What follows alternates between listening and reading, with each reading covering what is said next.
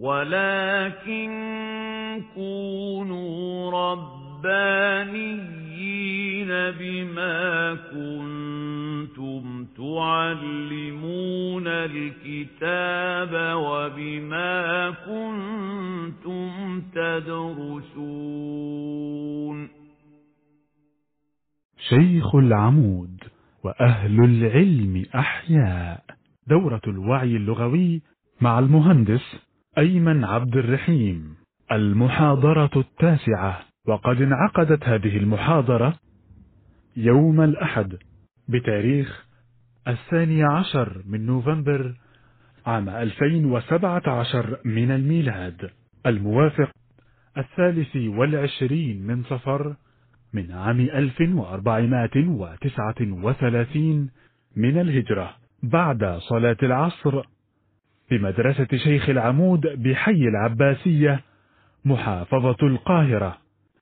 بسم الله والصلاة والسلام على رسول الله. الحمد لله الذي علم القلم علم الإنسان ما لم يعلم. الصلاه والسلام على خير معلم الناس الخير محمد. وبعد. فأحيانا بعض بعض الاصطلاحات قد تكون خادعة بعض الشيء. يعني إحنا دايما عند الكلام عن العلوم بتقسم العلوم بكذا على كذا حي- حيثية يعني. فأحيانا بنقسم العلوم لعلوم مقاصد أو علوم غايات وعلوم آلة.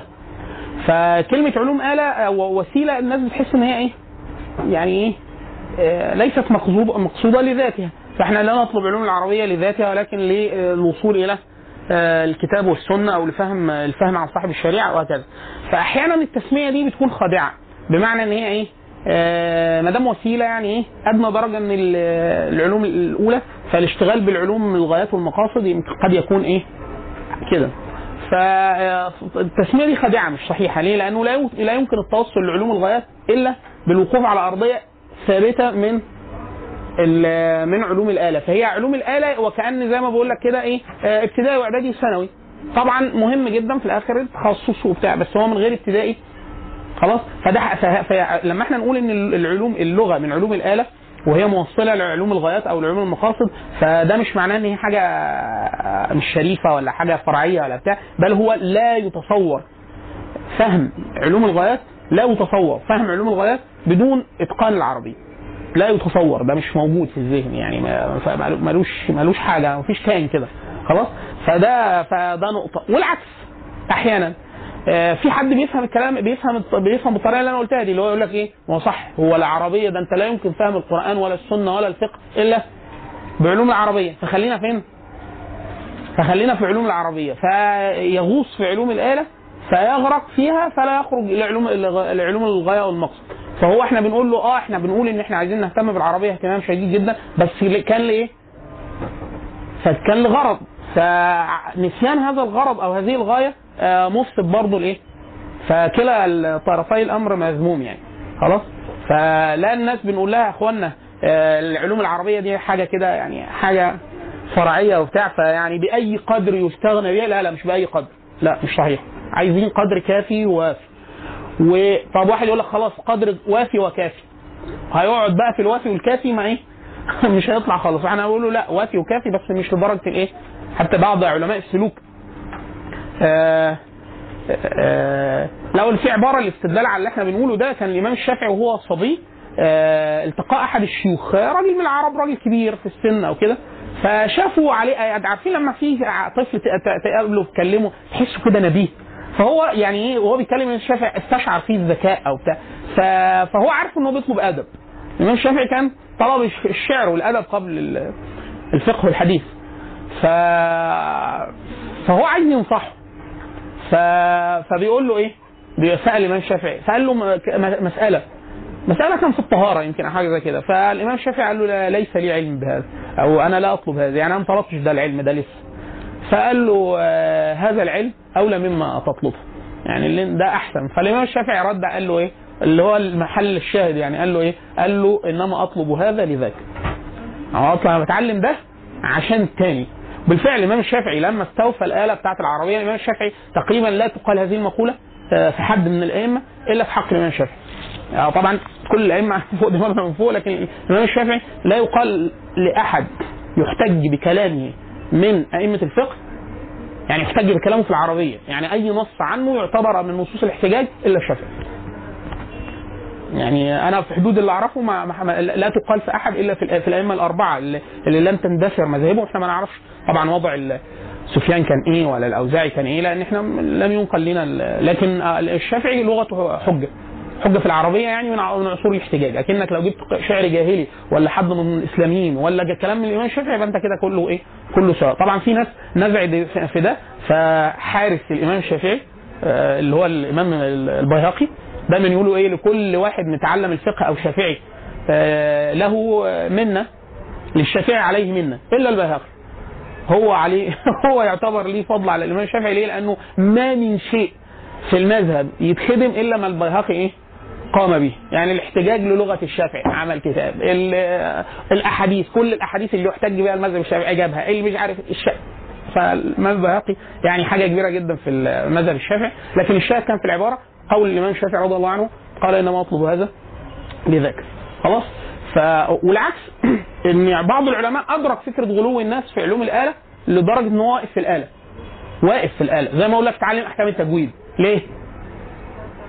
آه خلاص لدرجة إن يحرم عليك إن أنت لو لو عرفت إن في حاجة اسمها أحكام التجويد إن أنت تقرأ بلحن جالي فأنت تروح ترفع عن نفسك هذا إيه؟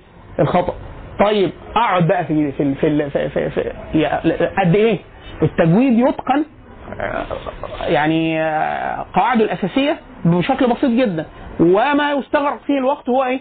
الرياضة كما قال الإمام ال- ابن الجزري. في في الجزرية قال إيه؟ وليس بينه وبين تركه إلا رياضة امرئ بفكه. يعني هو إيه؟ فكرة خلاص علمت احكام التجويد خلاص أنا عرفتها كده. لا كده مش متقن ولا حاجة. وهتتكلم ومش قادر تجيب الحرف من مخرجه وهتلتبس عليك المخارج وبتاع ليه؟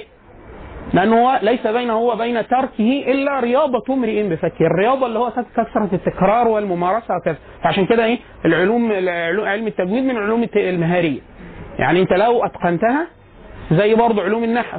لو انت واحد شرح لك علوم القواعد النحوية لا ده لا يعني أنك تقيم لسانك بعربية سليمة. لا ما يحصل. أنا كان أستاذنا ربنا يطول في عمره لو كان عايش وربنا يرحمه لو كان مات أستاذ صابر سرحان كان بيدرس لنا نحو في ثانوي. لو جابوه طوبة زلطه ويدرسها نحو تفهم نحو. عبقري عبقري نحو. يقول كلمتين ورا بعض صح نحو ابدا. يعني أول ما يتكلم كل الكلام غلط كله. كله. عشان كده حتى هو كان أستاذ كبير وليه هيبة وكان في قدر من السلاطه في اللسان. يعني كان يتخاف منه فكان لما يجي يتكلم هيقول كلمة في احتفال ولا بتاع في المدرسة يقول مش عايز أي تعليقات. للأساتذة الصغيرين وبتاع. لأن هو يعلم من نفسه ده. فواحد يقول لك إزاي؟ أيوه سبحان الله النحو غير الطلاقه والفصاحه عشان كده في العكس. في واحد بيبقى يعني يتكلم ولا يلحن ويتكلم ولا يخطئ. أو يكاد لا يخطئ. خلاص؟ ولا يعلم أي قواعد تفصيلية. بل يقال امام الشعراء في التاريخ المعاصر بحق. محمود سامي البارودي بعد ما ملأ الدنيا شعر تقريبا أتم ديوانه درس نحو صرف تخصصي يعني هو كان قاعد عمال يشعر ويقول. طب واحد يقول لك وأن له أن له هذا الإتقان. الش- البارودي على على مذهب المغاربة، مذهب المغاربة ما كانوش يدرسوا نحو، إحنا على مذهب المشارقه وما زال فينا الحتة دي، ما إحنا تلاقي أي واحد أزهري ولا درعمي لو هو قوي آه، تلاقيه متقن جدا للتفاصيل. اللي هو اللي بيسموه النحو التخصصي. ولا يلزم إن هو يكون فصيح. ولا يتكلم عربية جميلة. ممكن يتكلم عربية صحيحة بس تحسه بيرمي ضوب طوب طوب طوب طوب طوب يعني كلام متكلف جدا. في واحد أول ما يتكلم كلام إيه؟ طالع مظبوط وسهل وصحيح وبتاع. البارودي كان حافظ آه، أجل مختارات معاصرة على الإطلاق بإجماع الناس. يكفي شهادة مصطفى صادق الرافعي له. يعني يقول أجل المختارات القديمة معلومة. من الحماسة والمفضليات وبتاع. خلاص آه، جمهورة اشعار العرب للقرشي وغيره. خلاص ده معروف إنه في خمس ست اختيارات. دول عيون الاختيارات القديمة. الاختيارات الحديثة ما بعد عصور الاحتجاج؟ يرحمك الله. لا يختلف عليها أحد إن هي مختارات البارودي. مختارات سامي البارودي أربع مجلدات ضخام. هو اللي اختار. يعني هو منتقيها. لما تيجي تمسحوها تلاقيه مختار تلاقي أربع ابيات 200 3 5 أندلسي وعباسي وأيوبي وبتاع مختار حاجات على أربع مجلدات ضخام. طبعا في مؤسسة كبيرة اسمها مؤسسة البطين مؤسسة سعودية. جمعوه مطبوع وهو موجود PDF. أربع مجلدات كبار. زمان الهيئة المصرية يعني إيه؟ غلطوا لكن مختاراته طبعا عظيمة جدا. طيب أنا لما ناخد مسائل ونفهم كويس واللسان ما يفهمش ده بيقول إيه؟ ما ده النحو التخصصي. النحو التخصصي إيه؟ آه كويس. سؤالك كويس جدا. بص يا اسم حضرتك. بص الكلام. اسم يعني برضه إيه؟ شوفي هي قفش قفشت الموضوع ليه؟ بقى عشان الوجدان. يقولوا يقولوا لكل امرئ من من اسم يا نصيب بص يا ست الكل. في حاجة اسمها؟ إحنا هنا أهو. أو حضرتك يعني عشان عشان التخصص ولا لا حجاب ماشي معلش. خلاص ال ال ال في حاجة اسمها الملكة. في حاجة اسمها إيه؟ اللغة الواصفة. الملكة واللغة الوصفه الملكة دي اللي إحنا الحاجة اللي بنعملها. زي إيه؟ آه حضرتك منين؟ من اي محافظة؟ القليوبيه من الاقاليم يعني. شفت حد بيعوم قبل كده في النيل أو في الترعة؟ آه أنا طبعا شفت عشان الصعيد. آه آه مش هقول لك البحر. في عيال صغيرة أنا كنت أشوفها من إحنا في ابتدائي يروحوا يرموا نفسهم في النيل ويعوموا. يا يا طيب ده لا راح نادي ولا معاه فلوس يخش نادي أصلا وبتاع ولو شرب دخل حمام سباحة هيشرب المية. هيعتبرها مية معدنية ونظيفه جدا يشربها خلاص؟ مين علمه؟ معاه الملكة. سباحة. تقول له طب علمني السواقه علمني السباحة. آه يعمل كده وبتاع مش عارف إيه. مفيش لغة وصفة. اللغات الوصفة دي بيسموها العلوم. حضرتك عارفة العلامة آه، التي ملأت الدنيا آه، اكلا وطبيخا العلامة آه، ابله نظيرة. آه، آه، دلوقتي حضرتك تعرف تعملي ملوخية. أعمل إزاي الملوخية؟ فماما ربنا يطول في عمرها ويبارك فيها وابويا ربنا يطول في عمره ويبارك فيه. ماما زمان راحت سنه إعارة عمان. آه، بابا بيعرف يعمل كل حاجة ممكن تتخيلها في الدنيا إلا الطبيخ. إلا الطبيخ. فقال لها بابا علوم أصلا علوم كيمياء. قال لها أدي كراسة وتحسني خطك عشان ماما خطها مش حلو. ان هي أستاذة قعدت 40 سنة ادعت عليك. كنت أقول لها ما أعرفش. على احترام مش بتعلمي العيال إيه؟ تقول لي اخرس. أنا خطي على السبورة حلو. أقول لها منين؟ منين؟ يعني واحد خط وحش على الورق. هنكبره هيطلع وحش برضه. بس هو صحيح هو صحيح. الخط الصغير ده كبير. آه يعني إيه؟ مالوش. يعني حكم الجمالي مش قوي يعني. لكن الشاهد. هتمسك الحاجة وتكتب وتقول له تترك على النار حتى إيه؟ تنضج ولا حاجة يقول لي يعني حتى إيه؟ تنضج؟ قول له شوية ملح. يعني إيه شوية ملح؟ حفنه ملح. إيه حفنه ملح؟ معلقه يعني إيه؟ قد إيه؟ والنار تقول له شغل عليها النار. قد إيه؟ الكبيرة. قد إيه؟ الدرجة. خلاص؟ لما ده يتكتب ده اسمه إيه؟ اللغة الوصفه فأنت بتبقى زمان لو أنت تقولي أنا عايز اتعلم عربي. أقول لك روحي اقعدي مع الجماعة ال- العرب اسمعيهم بيقولوا إيه؟ هتحكيهم. زي ما في واحد يروح متصورين إحنا هنا في مصر آه، أي واحد في أمريكي بيعرف اللغة الإنجليزية. صح؟ خلاص. فنجيبه يقول لك إحنا جايبين واحد أجنبي يعلم في مدرسة أجنبية ودي اسوء حاجة مطلقة على الإطلاق ممكن تحصل. ليه؟ لأنه ممكن يعلمك الأكسنت لكن مش لازم يكون بيتكلم صح. أصلا. أصلا. مش مش بقول لك بيتكلم ده ممكن يكون بيتكلم غلط. ليه؟ لأن السلانج أو اللهجة ال- ال- الدارجة يعني مش دايما بقوه الفصيحة. دي واحد. اثنين أصحاب اللغة بيتصرفوا فيها إيه؟ أحيانا بمزاجهم. اثنين لو سألتيه في القاعدة يسقط زي بالظبط حضرتك لو دخلت امتحان كفاءة لغوية. لو جبنا حد أجنبي من أندونيسيا ووصل لمستوى متقدم وامتحن ينجح ممكن حضرتك تسقطي هو دارس صرف أنت أقول لك إيه؟ هاتي مثنى ضارب. في حالة الرفع وحالة ال- النصب فتقولي آه ضاربان آه، ضاربين آه، ينفع في شكلها ضاربون ضاربين في حالة الجمع انت بتقولي كده بالملكة طب إيه القاعدة؟ إيه بقى القاعدة؟ قاعدة التثنيه سوري اللي هي إيه بتاعت إيه بقى؟ يعني أنت أقول فين السؤال وأنا أقول على طول. هو دي اللغة الوصفه، النحو اللغة الوصفه، فأنا عايز أقول لك إيه؟ العربي يرفع دي ولا ينصبها؟ ودلالتها إيه؟ وكذا وبتاع، فده ممكن يبقى فقيه. يعني مثلا في واحد اسمه الشالوبي الشالوبين. الشالوبين ده أستاذ نحو كبير جدا أندلسي. لما جه مصر هنا أظن هو أو ابن خروف حد من النحاة كبار جدا وليهم مؤلفات وبتاع. لما جه هنا بيحكوا عليه في مصر زمان جاب دروس في الجامعة الأزهر. بيتكلم الدرجه محدش قادر يفهمه. زي إحنا بالظبط لما إحنا عندنا وده مشهور عن المصريين وبالذات الجيل ده المعاصر يعني أو آخر 30 40 50 سنة. آه ممكن يكون أستاذ نحو صرف كبير جدا وبيتكلم عاميه وما يقدرش يتكلم فصحى. ما يقدرش. ولو حاول دقيقتين ويقلب عمي تاني. ليه؟ وما اعتدهاش بس هو ممكن يشرح لك ويقول لك المذاهب وبتاع. خلاص كده؟ فاللي انت بتسألي عنه اسمه اللغة الوصفه ده العلم. ممكن واحد يعرف العلم من غير ما يعرف الملكة؟ آه ممكن. عشان كده أنا بقول لك أحيانا إيه ممكن واحد مثلا تجيب كتاب في في السباحة. فانت كده عرفت اللغة التخصصية. إيه إيه الصح وإيه الغلط وإيه بتاع. مش لازم تكون مش لازم تكون بتعرف تعوم كويس. أو ممكن مش لازم يكون كتبه أحسن واحد في الدنيا بيعمل ده. خلاص كده؟ فده إيه؟ في حد من أهل السلوك؟ لحظة. مين اللي بيقول؟ أيوه.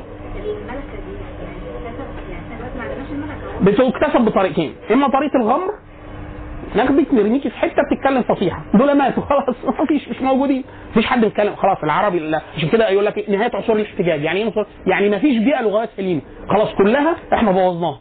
يعني اللي هم غير العرب دخلوا على العرب بوظوا لهم لسانهم. فعشان كده إحنا بنقول حد 150 ده عصر الاحتجاج في ال 200 وحاجة في البدو. ليه؟ عشان يكون إيه؟ لسه اتأخر شوية التلفزيون والدش. ما دخلش لأن هو العجم لما دخلوا على العرب العربي بدأ إيه؟ يلحن ويتخفف من الصرامة اللغويه اللي هو كان فيها. زي بالظبط الإنجليز والأمريكان. مرة واحد صديقنا كان في بريطانيا فاحنا في الغالب معظم الإنجليزية اللي إحنا متأثرين بيها بسبب الأفلام والسينما وبتاع الأمريكية. فهو مهندس. والمهندس في العموم متخصصين من أي حاجة نظرية. يعني فبيقول له إيه؟ آه، آه، B كذا مش عارف Z كذا. يقصد Zed يعني. قال what فقال له Zee. قال له مفيش حرف اسمه Zee عندنا. ده أمريكاني ده ده في ال American language قال له كده. مش ال American accent ولا الامريكان لا لا American language قال له دي, أنت بتتكلم أمريكاني لغة أمريكية. طب هو اللغة بتاعتنا. فهو الإنجليزي معتبر الأمريكي عمل له إيه؟ صرفت له اللغة. زي اللي إحنا عملناه في العربي. بالظبط يعني الأمر والخيس لو جه دلوقتي يجي له تسلخات. يجي له سكتة قلبية يخش الانعاش هو عمال يشعر وبتاع وإحنا دلوقتي شيل حط بتاع يعني هي- هينصدم يعني. خلاص؟ طيب.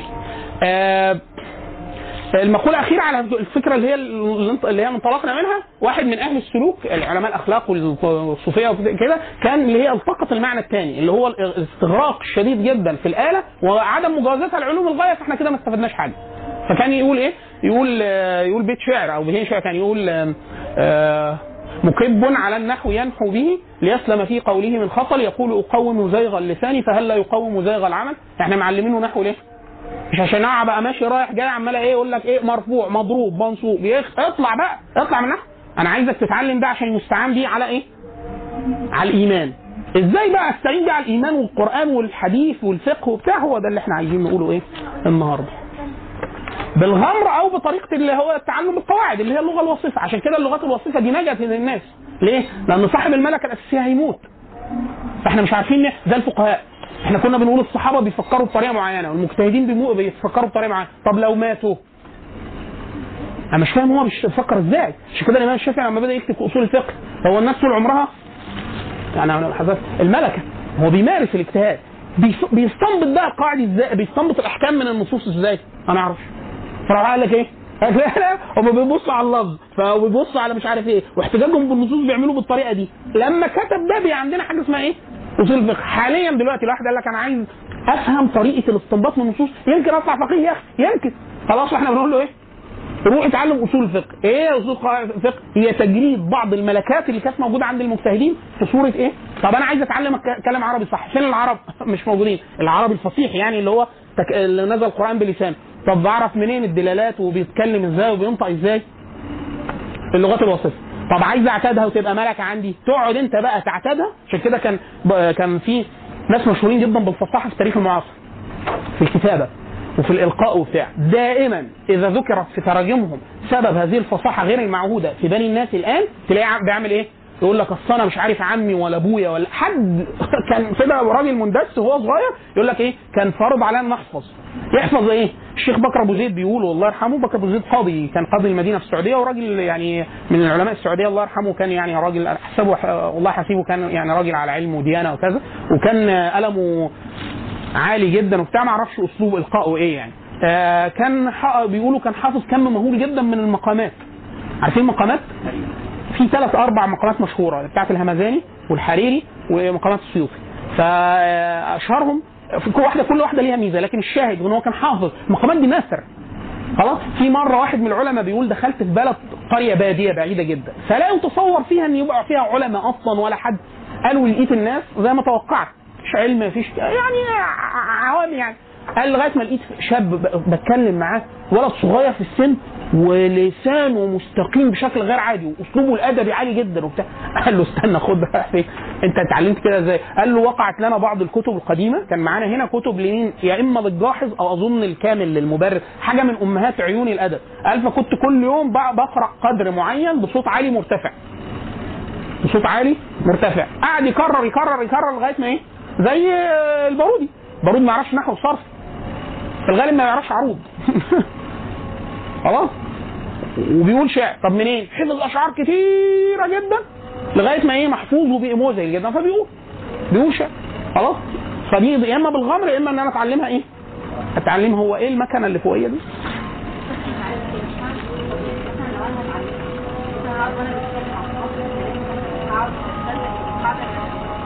أنت مش هتعرفي طريقة الغمر مش هتعرفي القاعدة. والطريقة الثانية لا هي هي هتت... انت يعني هو طبعا ده شك... شكل نظري لكن الحقيقة اللي بيحصل إن هو مختلط.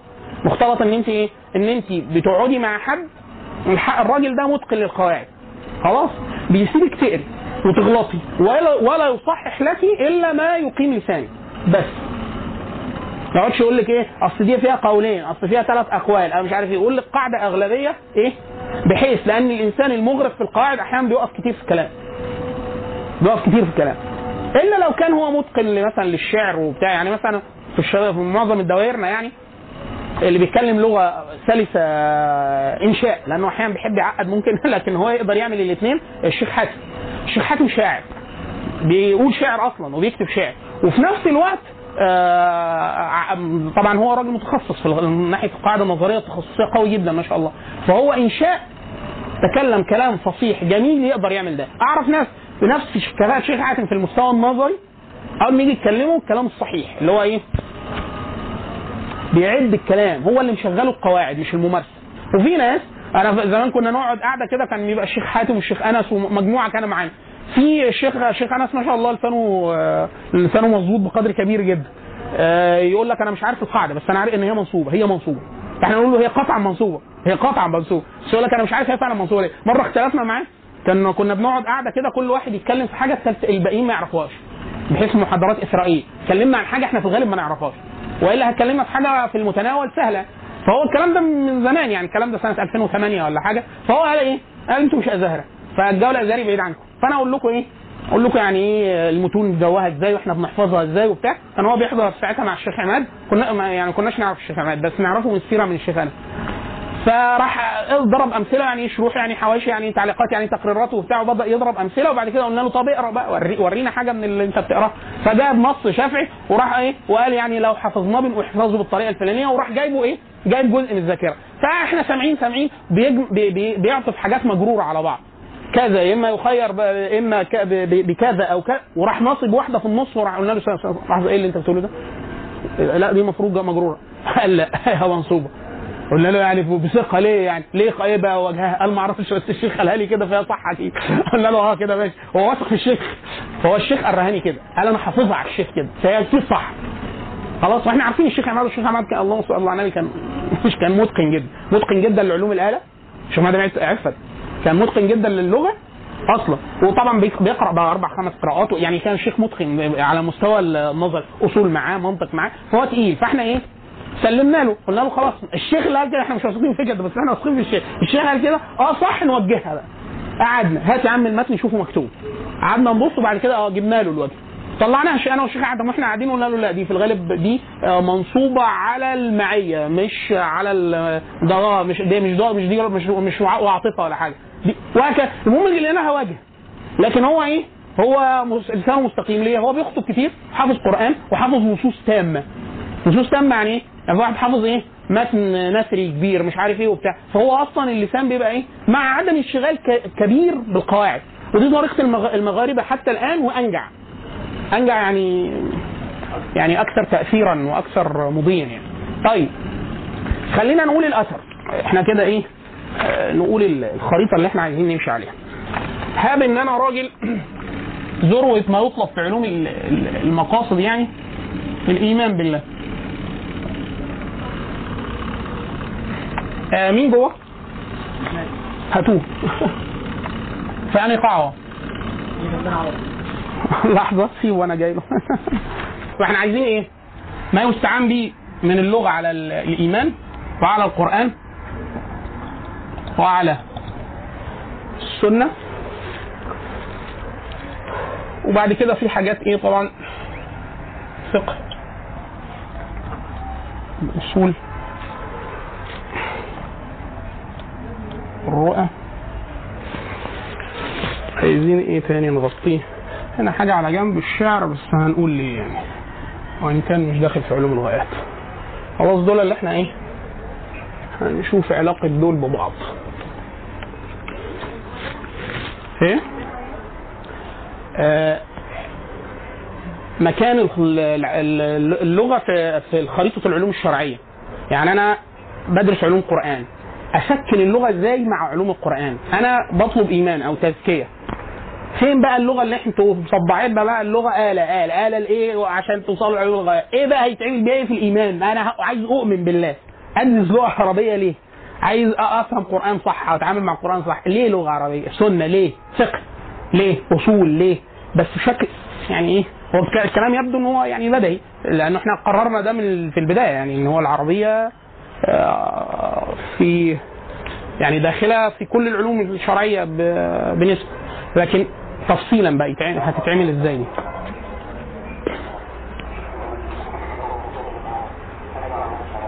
لا إحنا نشتغل وهو إيه؟ أول ما يجي. طيب. أنا بقول ليه الايمان مش التوحيد والكلام لأن أنا أقصد الإيمان. ما أقصدش التوحيد والكلام. وإلا التوحيد والكلام ليه آلة. يعني يعني واحد عايز يدرس منطق كويس الأول يروح يظبط دماغه قبل ما يدرس علم الكلام لكن إحنا هنتكلم على الإيمان. الإيمان يعني حديث جبريل. ان تؤمن بالله وملائكته وكتبه ورسله واليوم الآخر وقدر خير هو هو اليوم الآخر هو ده. إزاي ده؟ هيأثر إزاي؟ فأنا النبي صلى الله عليه وسلم يقول الدعاء هو العبادة.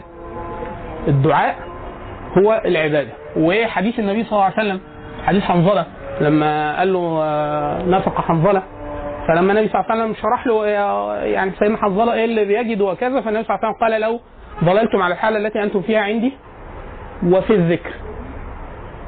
لصافحتكم الملائكة في الطرقات فهي فكرة إيه؟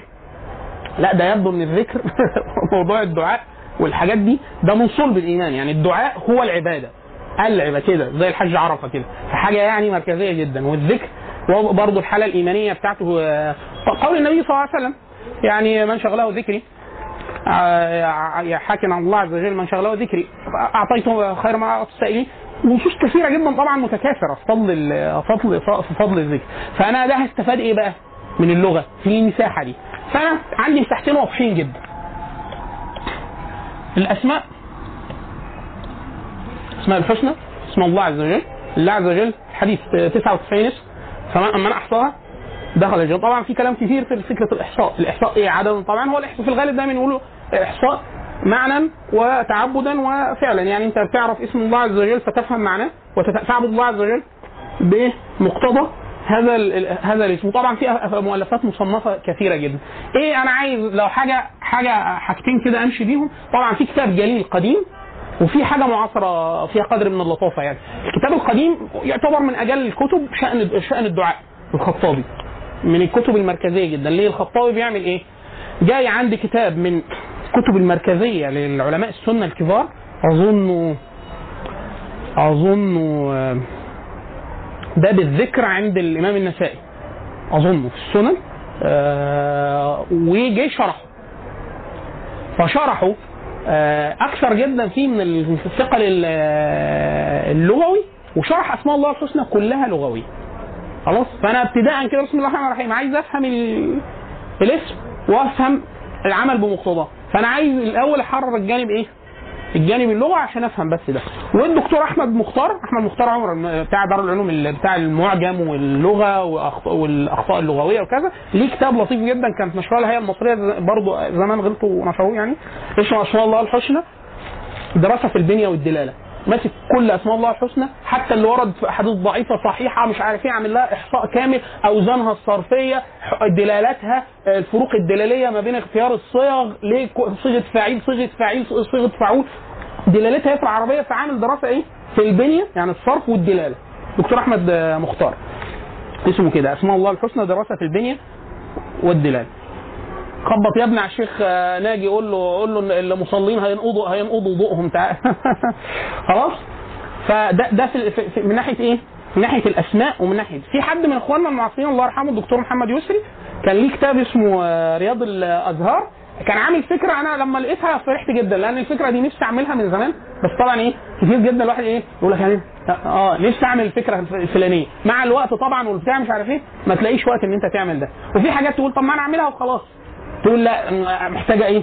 شغل أحسن شوية فلا تكملها ولا تطلعها م- منقوصه آه، محمد يسري الراجل انتبه لفكرة إيه؟ إن إحنا مع فساد الألسنة إن معظم الأذكار والأدعية اللي إحنا بندعو بيها الواحد ما بيتخيلش وإحنا قلنا الدعاء هو العبادة ومكانة الذكر مهولة جدا في الاسلام آه الواحد بيبقى متصور إن هو فاهم الذكر فبيكرره وهو متصور إن هو إيه؟ فاهمه. خلاص فعمل رياض الأزهار ده عشان يعمل إيه؟ كل في الغالب المع... الأذكار والأدعية السيارة المعروفة راح إيه؟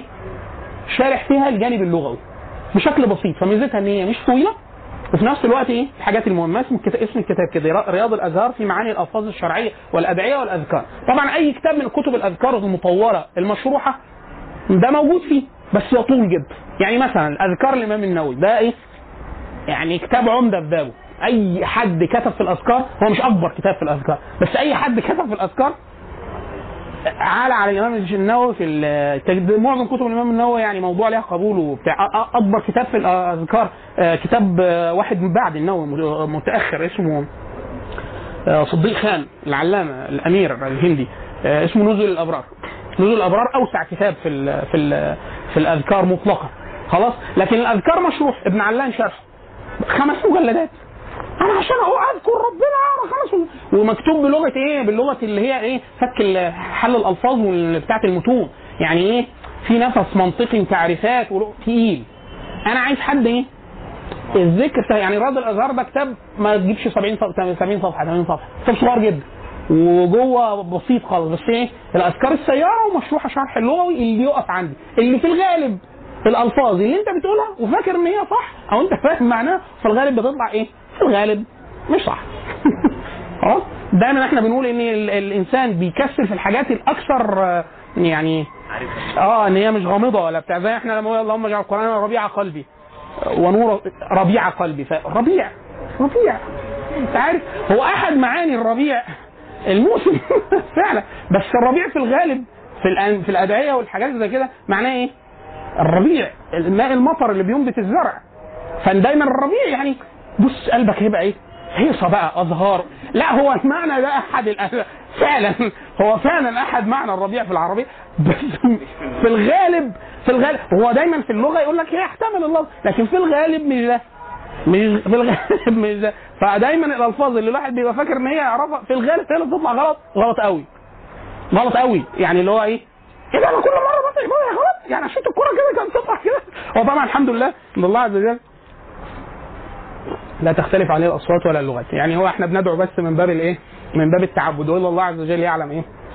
يعلم يعني. ان الانسان لما بيدعي حتى لو دعا غلط الله عز وجل لا يأخذه. قول النبي صلى الله عليه وسلم في, في لما ضرب مثل بفرحة الله عز وجل بتوبة العبد فقال اللهم أنت عبدي وأنا ربك. أخطأ من شدة الفرح.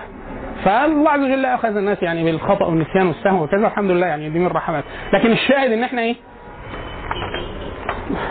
الدعاء بيبقى يعني في الغالب اللي انت بتقوله هيطلع غلط. طبعا لو حد يعني مهتم أنا أنا موضوع الأذكار ده مهم جدا. في طبعا شروح لو حد ليه يعني نطق إن هو كتاب الكلم الطيب بتاع شيخ الإسلام ابن تيمية الحنبلي وكتاب لطيف جدا في الموضوع ده. كان شرحه آه، ابن علان برضه. آه، لا عذرا العيني آه، من شراح البخاري أظن أو كده. فعمل كتاب الكلم الطيب ده كتاب شيخ الإسلام نفسه. عمل العالم الهيب. شرح الكلم الطيب. وده من الكتب المشهوره إيه؟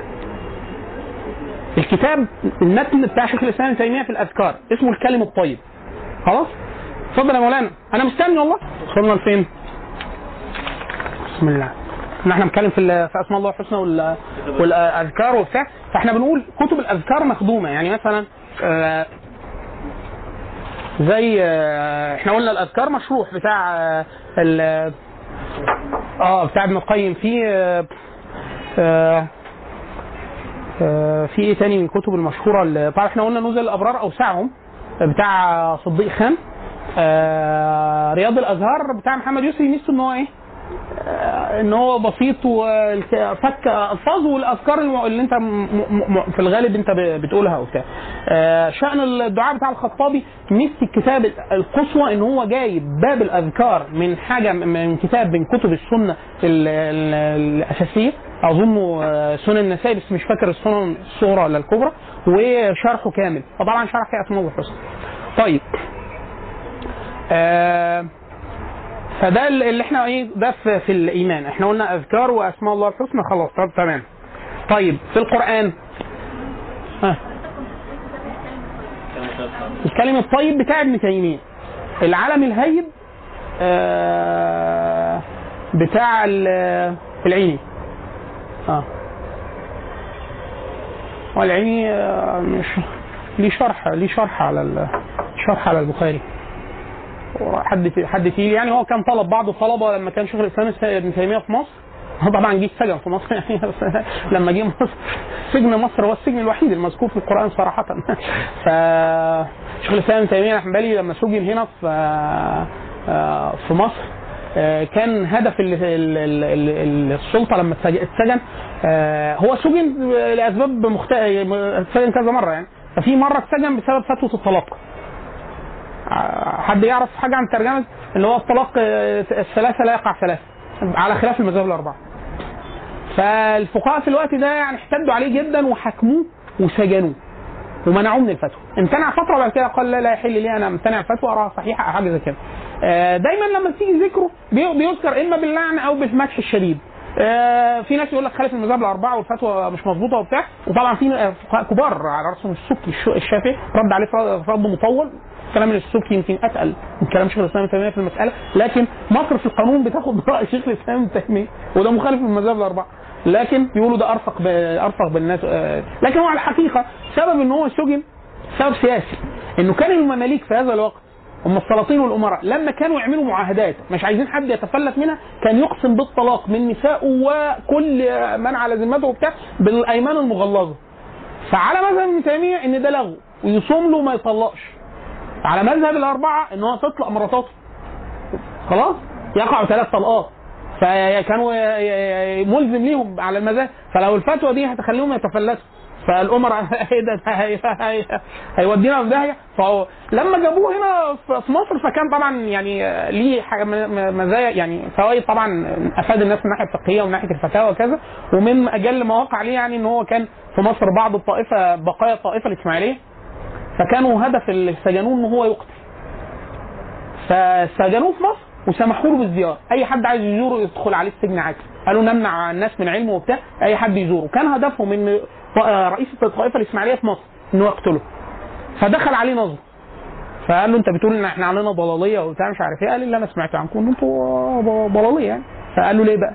فقال له أنتوا بتقولوا إن أنتوا أنت رئيس الطائفة بيستغاث بيك. فأنت بتيجي للناس في صورة تتجسد أو كذا وتعينهم وكذا وأنت أحيانا بت- بتعمل كده مع حد فيجي لك وبتاع ده بيحصل أنت قلت كده؟ قال له آه أنا بقول كده. وقال له ده أنا ده أنا ممكن أعمله قدامك دلوقتي. ان ممكن حد يستغيث بيا وأنا أتمثل له وبتاع مش عارف إيه. قال له طب أنا بقول لك أنت بتشوف إيه؟ قال له بشوف اللوح من الزجاج في الهواء وعليه صورة ال- المريد اللي بيستغيث بيا وبتاع. قال له لما تشوف اللوح ده اقرأ إيه الكرسي واستعيذ بالله من الشيطان الرجيم. فلو بقيت فهي كرامة وإن ذهبت فاعلم أنه مش شيطان.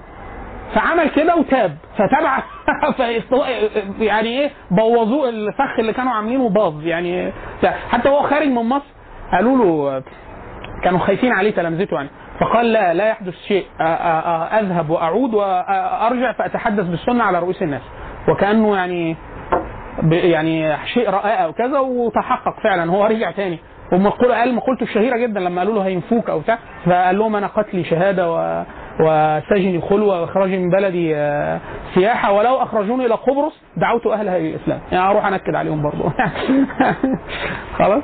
طبعا شيخ الإسلام تيمية من ال- من الناس اللي من الأشخاص القلقة في يعني عليه في ناس يا إما بترفعه شيخ الإسلام يا إما ناس بتكفره في نقيضين يعني. في كان حد كان عامل جامع تراجم شيخ الإسلام ابن تيمية فيها فوائد تاريخية وفقهية وحاجات تانية غير ترجمته هو لو حب حد يقراها يعني. آه، كان الشيخ بكر أبو زيد كان عامل مشروع كبير لتجميع آثار شيخ الإسلام ابن تيمية منها جامع التراجم جامع, جامع تراجم شيخ الإسلام ابن تيمية. طيب القرآن. خلاص إحنا اللي هنخلصه هنحذفه بس عشان إيه؟ المساحة. طيب طب إحنا كمان طريقه من قلنا أسماء الله الحسنى والأذكار. آه. ما أنا آه، ركز أنا قلت إيه في القاعدة في الأول خالص. آه، سيبكم اللي أنا بكتبه. حد يراقب لأن أنا إيه عندي انفصام. عارفة؟ يعني عندي آه، يعني مش لازم اللي أكتبه هو اللي بقوله. فأنت ركزي قوي في اللي بقوله. خلاص؟ آه طيب. القرآن. آه، طبعا على مستويات. المستوى اللغوي مفروغ منه الصوتي إحنا طبعا قلنا اللغة مستويات وبتاع فالتجويد خلاص ده ده حتم لازم. يعني آه، في مستوى من التجويد اللي هو مش العلم التخصصي اللي سؤال اختنا على الملكات. آه، سؤال اللي هو لا يسع مسلم أن يجهله. ويجهله علما وعملا. مش لازم يعرف اسم الحكم. يعني مش لازم أقول له إيه ده أقول لي ده إخفاء. مش لازم أقول له إيه ده أقول لي اخلاد مش لازم. بس يبقى عارف يعمله. لو ما عملوش يأثم على الأقل فين؟ في ال- في ال- في, ال- في الظاهر أو اللي بيحيل آه، الح- الحروف لدرجة إنه حرف ثاني فلو لو مش قراءة ي- يأثم لو قراءة وهو ما يعرفش بس عملها نرجو منه ولا يأثم يعني لو قال حاجة هي زي لو واحد قاهري آه، وبيقرأ الفاتحة فقال اهدنا الصراط المستقيم كده بالسين يعني وكانها تشبه السين. فهو على الحقيقة أصاب قراءة بس هو يفهم برضه. لأنه هو قراءة هو ما يعرفش كده. هو ما يعرفش إن أهل مصر بيقروا مثلا على حفص حفص صوب. فلو قال سين هي سين مقروءة. يعني قراءة بس مش سين سين صريحة ومش قراءة حفص. مش هيحصل حاجة آه مش هيحصل حاجة. عند غير المتخصص مش هيحصل حاجة. ليه؟ لأن هو جواز الترقيع يعني في القراءات ما عدا الترقيع النحوي اللي هو ينفع واحد يدخل قراءتين في بعض؟ في الص- في الصلاة لو هو مش يعني ينفع كل قرآن يعني إلا في القلب النحوي. إلا في القلب النحوي اللي هو الاثنين مع بعض ما يقولهمش قارئ واحد. يعني الجمهور في القراءة آه، فتلقى آدم وعرب آه، فتلقى آدم من ربه كلمات فتاب عليه. فتلقى آدم من ربه ده الجمهور. ابن كثير بيقرا فتلقى آدم من ربه كلماته. ف... اللي هو القلب النحوي إن الفعل مفعول فعل ينفع. لو حد قرأ كده بس ما ينفعش إن يقولوا الاثنين بالرفع. يجيب حتة ناخد حتة من في الجمهور وناخد حتة من بكثير يلا. لا ده مش قرآن ده ما نزلش فيه القرآن ده. آه، في في عامة في سورة النبأ. آه، الرحمن والرحمن وفي في في في قراءة بالرفع وفي قراءة بالكسر فممكن يجي في درج الكلام يحط القراءتين نحويا لا تستقيم على أي مذهب في القراءة. عشان كده دايما إيه أحيانا المشايخ اللي بيشددوا يقول لما إنه ممكن يقول كل لكن هو متوسع جدا في القراءات اللي هي إيه صوتية. يعني إيه لو قال حاجة غير بس الصوت ما فيش نحو يعني إيه في الغالب يتوسع فيه. لكن إيه آه إلا لو تعمد إن هو بيقرأ بقراءة. يعني وإحنا بنقول له أنت هتقرأ بإيه؟ قال حفص فلو قرا بوجه غير حفص وهو بيقول أنا بحفص فإحنا بنقول له يعني لو هو مش هو في الغالب مش هيأثم بس بيكذب على حفص يعني يعني هو ما هو ما قرأش بكده. خلاص؟ طيب. آه فإحنا ال ال ال القرآن إيه المساحات اللغوية؟ أول حاجة دل- الدلالات اللي هو معاني المفردات.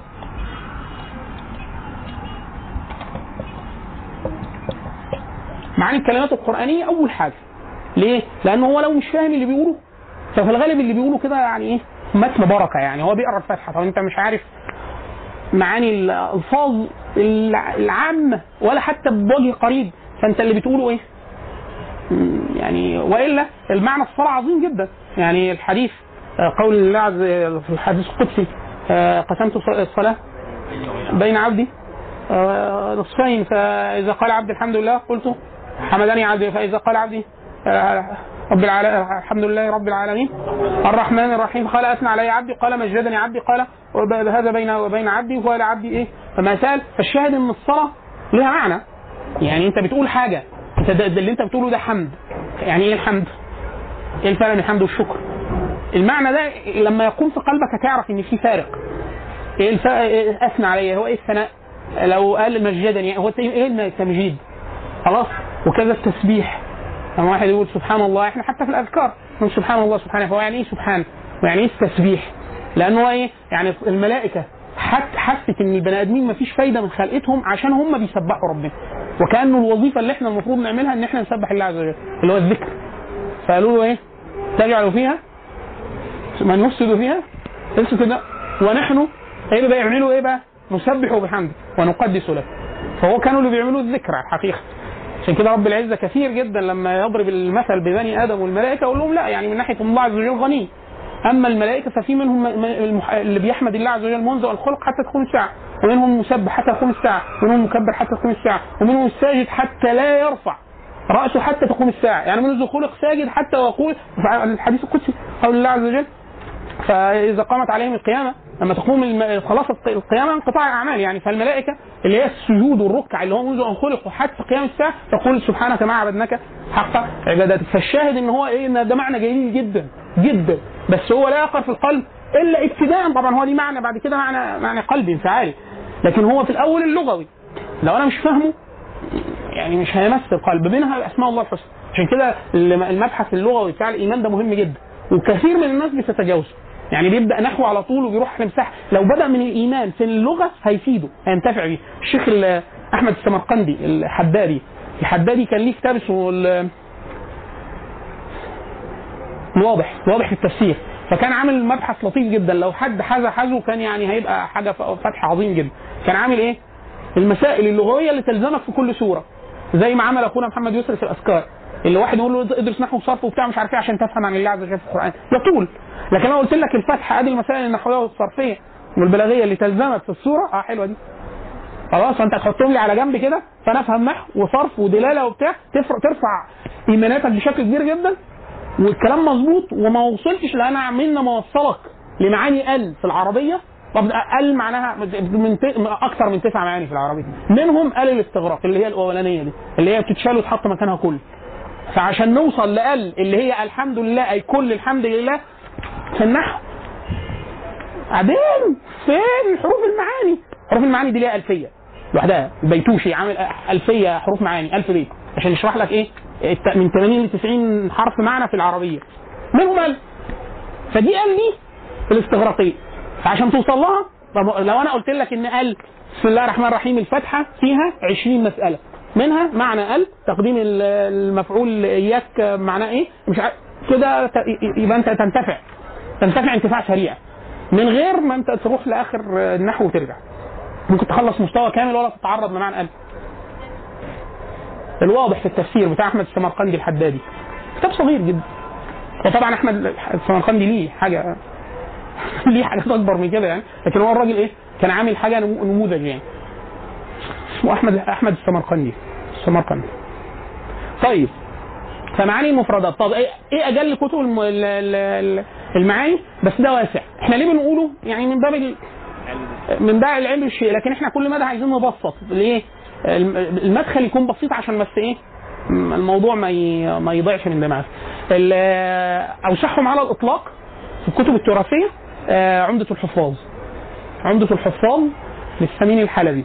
السمين الحلبي طبعا يعني آه، أوسع كتاب في إعراب القرآن الكريم في التراث على الإطلاق. في القديم والا في الحديث في حد فاق ازيك عامله إيه؟ آه، كتاب اللي هو ال- الدر المصون. أوسع كتاب على الإطلاق في الإعراب التراثي. 11 مجلد ولا حاجة مستوعب كبير جدا. طبعا في آه، عبد الشيخ الع- العلامة عبد اللطيف الخطيب والدكتور سعد مصلوح عملوا التفصيل في إعراب آيات التنزيل. أوسع. ده أوسع حاجة منذ الإسلام. آه، 30 جزء ولا حاجة. ده معاصر لسه نازل السنة اللي فاتت. مستوفي كل كتب النحو القديمة والتراثية وكل الإعرابات وكذا. لكن ده مش مش, مش يعني مش مش مش مناسب لغير المتخصص يعني.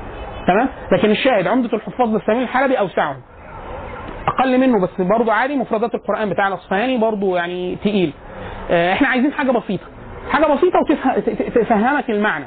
آه، ال- المعجم الاشتقاقي. المعجم الاشتقاقي بتاع آه، بتاع محمد حسن جبل. الشيخ آه، من آه، متبني نظرية ال- آه، المعنى المحوري. المعنى المحوري اللي هو إيه؟ ان آه، الجذور العربية ملهمة. فعلماء العربية على- عندهم كذا نظرية في التراكيب التقاليد بتاعة الجذور. فجمهور ال- ال- اللغويين عبر العصور بيقولوا إن اللغة العربية ثلاثية الجذور. ثلاثية يعني الأصل ال- أصغر جذر ده اللي هو آه، الثلاثي. ثلاث حروف. ضرب أكل شرب أي حاجة. لو في حاجة ثنائية تبقى فيها حرف محذوف. زي مثلا يد دم فم. آه فيقول لك لا عند التقليبات. هيطلع لك الحرف اللي إيه؟ آه، اللي ناقص. بس أنت بس قلبه كده وهات منه اشتقاقات هيطلع لك الإيه؟ يدوي دموي ثانوي آه يبقى في آه شوف. هيطلع بالواو. هات الواو هات الواو. فإيه، في في حاجة محذوفة. ففي ناس لا بيقولوا إن الأصل ثنائي الأصل ثنائي. وبيبنوا عليه نظرية. وبيبنوا عليه نظرية.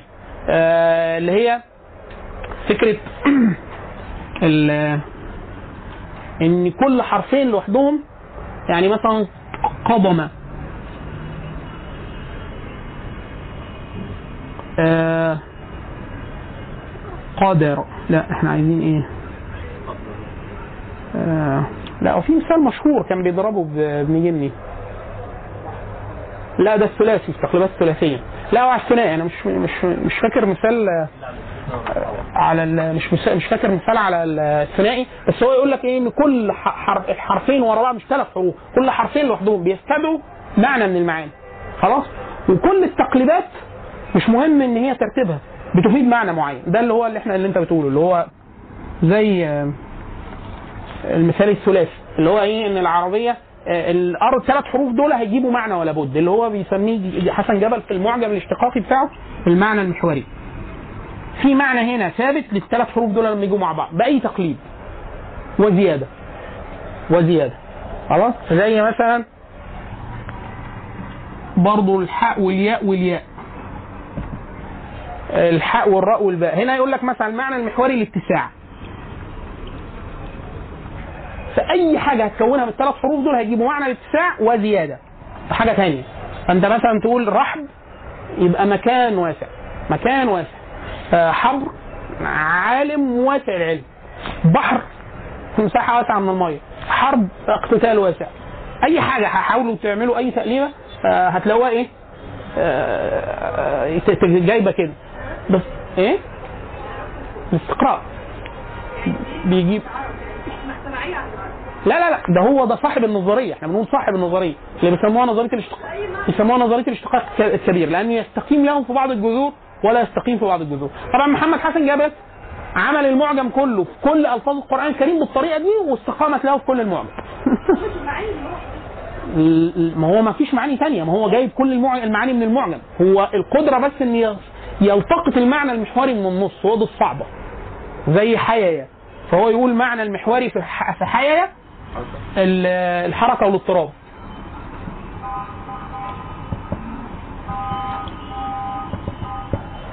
فأنت تقول إيه حية؟ عايزه تجيبي منها حية؟ فيقول لك حية يعني آه، تعبان بيتحرك. عشان كده حتى في القرآن في السياقات اللي عايز يقول لك إن هي حاجة بتتحرك فيقول حية. الحاجة اللي عايز يقول لك حاجة كبيرة وبتخوف يقول لك ثعبان. عشان تفهمك إيه دي إيه دي وايه دي برضه سفينة وفلك. لما يقول لك إن عايزة حاجة بتروح وتيجي بتروح يعني وظيفتها كذا يبقى يقول فلك. فلك فلك فلك. فلك اللي هي جاية من الف- فلكة برضه. فيه اللام والكاف اللي هو حاجة شكل الفلك. فأي حاجة فيها المعنى ده فسفينة سفينة يعني حاجة بتعمل حاجة شكلها. فيبدو إن هي كبيرة وبتقشر الماء السفن اللي هو القشر.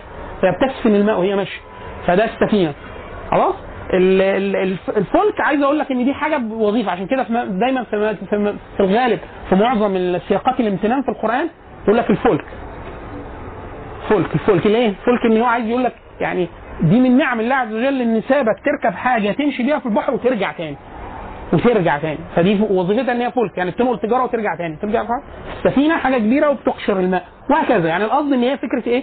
فكره المعنى. محمد حسن جبل باني المعجم بتاعه كله بطريقة المعنى إيه؟ محوري في واحد شيعي يغلب عليه نفس كلامي شوية لكن واسع برضه وبرضه مع من باب العلم بالشيء هو راجل شيعي اسمه مصطفوي له كتاب ضخم جدا اسمه التحقيق برضه.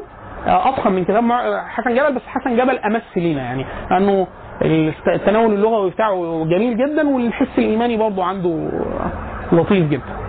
ففي معاني المفردات. محمد حسن جبل الم- المعجم الاشتقاقي لطيف جدا. في لو واحد عايز يشتغل صرف آه، في معجم الأوزان الصرفية للقرآن بتاع آه، دكتور حمدي متهيألي. اسمه إيه؟ حمدي حمدي بدر الدين. عامل معجم الأوزان الصرفية في القرآن. واحد بيدرس صرف. أنا عايز درست دلالات. الأوزان يا إخوانا الأوزان في العربية كبيرة جدا. يعني أوزان الأسماء في العربية ممكن توصل 308 وزن. في القرآن كله ما فيش غير 80 وزن فعلي واسمي والأسماء قدهم يعني 200 وحاجة أو 300 حاجة كبيرة جدا. فأنت تستقيم لك في العربية أكثر ما يقارب من 600 وزن. صرف فأنا هدرس الأوزان دي كلها عشان أفهم كلام الله عز وجل. طيب القرآن كله بقى كله على بعضه فيهوش غير 80 وزن صرف. وال 80 وزن الصرف دول لو جبنا منهم مثلا 20 الأو- ال- ال- ال 20 وزن الأكثر شيوعا تغطي 80% من القرآن. فأنت ممكن إيه؟ فالمعجم الأوزان ده ميزته إن هو إيه؟ قسمها على الأوزان. فأنت تبص في الفهرس عايز إيه؟ حتى دي في معاجم كده اسمها معاجم الابنيه إن على البن... البنيه إيه؟ أنت بقول لك غفور وغفار وغافر فاعل وفعال وفعول. إيه الفرق بين فعول وفعال وفاعل إيه دول؟ طبعا لو إحنا إحنا قلنا دول دول بداية هلاقيهم فين؟ في كتاب الأسماء الله الحسنى بتاع أحمد مختار. مفصل في كل ليه لأنه دي أسماء الله الحسنى. طب لو وزن في القرآن مش أسماء الله الحسنى؟ لا معجم حسن جبل آه، كويس. يعني مستوفي فكره المعنى المحوري دي. ومعجم الأوزان الصرفية لو أنت بتدرس صرف يبقى أنت تنتفع إزاي على طول باللغة في القرآن؟ بالمعجم معجم الأوزان الصرفية. طيب لو أنا عايز الفروق الدلالية فكرة اللي هو الفرق بين دي ودي. يعني استطاع واستطاع آه، فلك وسفينة آه، غفار وغفور وغافر قادر وقدير. دي نفس المعنى بس ال- الفروق الدلالية. في الدكتور محمد داوود عامل كتاب اسمه معجم الفروق الدلالية في القرآن الكريم. برضه شغال فين؟ على الحتة بتاعت الدلالة واخد القرآن كله القرآن الكريم كله مغطي تمام؟ طيب خلاص كده إحنا إيه؟ إيمان. طيب لو أنا اشتغلت شوية نحو وكل شوية عايز أطبق في القرآن طبعا إحنا اشرنا قبل كده ممكن يعني نذكر ناس تاني ليه اللي هو كتب إعراب القرآن. كتب اعراب القرآن آه، يستحسن تجيب لك كتاب إيه؟ في الأول كتاب بسيط يعني مش لأن كتب الإعراب آه، لو موسعه ه- هتتعب. ففي ناس تلاقي عامل إيه؟ إعراب جزء عام. حلو ده. هات. فنصيحة شوفوا حد في كتب كتير بقى. آه، اعراب إحنا عايزين إعراب جزء عام بس. ليه؟ تاخد بقى إيه؟ بدل ما عمال أنت شغال نحو شغال نحو. طيب بيستفادوا بايه إيه ده ده. لكن نصيحة الناس كلها تبدأ بإعراب الفتحه شوف إعراب الفتحه إيه المعنى ال معنى ال عشان تعرف إيه الابواب المهمة لأن إحنا قلنا ان هو آلة. ما أنا برضه بتعلمها آه عايز ادرس نحو تخصصي وكل حاجة بس برضه عايز افهم القرآن الأول برضه ده أهم حاجة ليا في الأول يعني.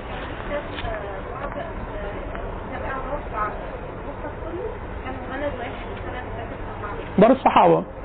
شغال عليه آه كتاب ممتاز. بس يعيبوا حاجة. عشان كده أنا كنت لما بوصف الكتاب كان كان اللي هو ال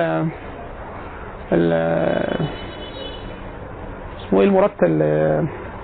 الإعراب المفصل لكتاب الله المرتل. آه، كنا بنوصي بيه وإن كان كبير. بس ميزته إن هو إيه؟ كل موضع متشابه بيعيد الإعراب مرة أخرى. في كتب عشان كده طالع في مجلد. أنا زمان كنت جبته. أنا بحب الحاجات الإيه؟ اللي عايز أدور على حاجة بسرعة.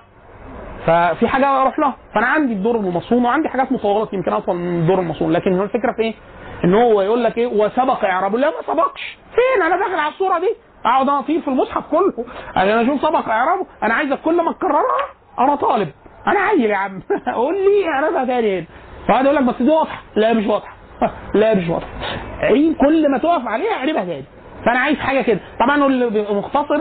ماشي ليه؟ عشان كده في ناس زمان العلماء دايما يقول لك كل ما تطول المصنفات تعرف إن الناس بقت إيه؟ عقلياتها زي ما كده يعني في حالتنا يعني. اللي هو إيه؟ زمان تلاقي واحد عالم كبير. الناس من أئمة النحو عامل كده قد كده. في اعراب القرآن. ليه يا عم؟ يقول لك إيه؟ إعراب ما يشكل من آيات كتاب الله. بس.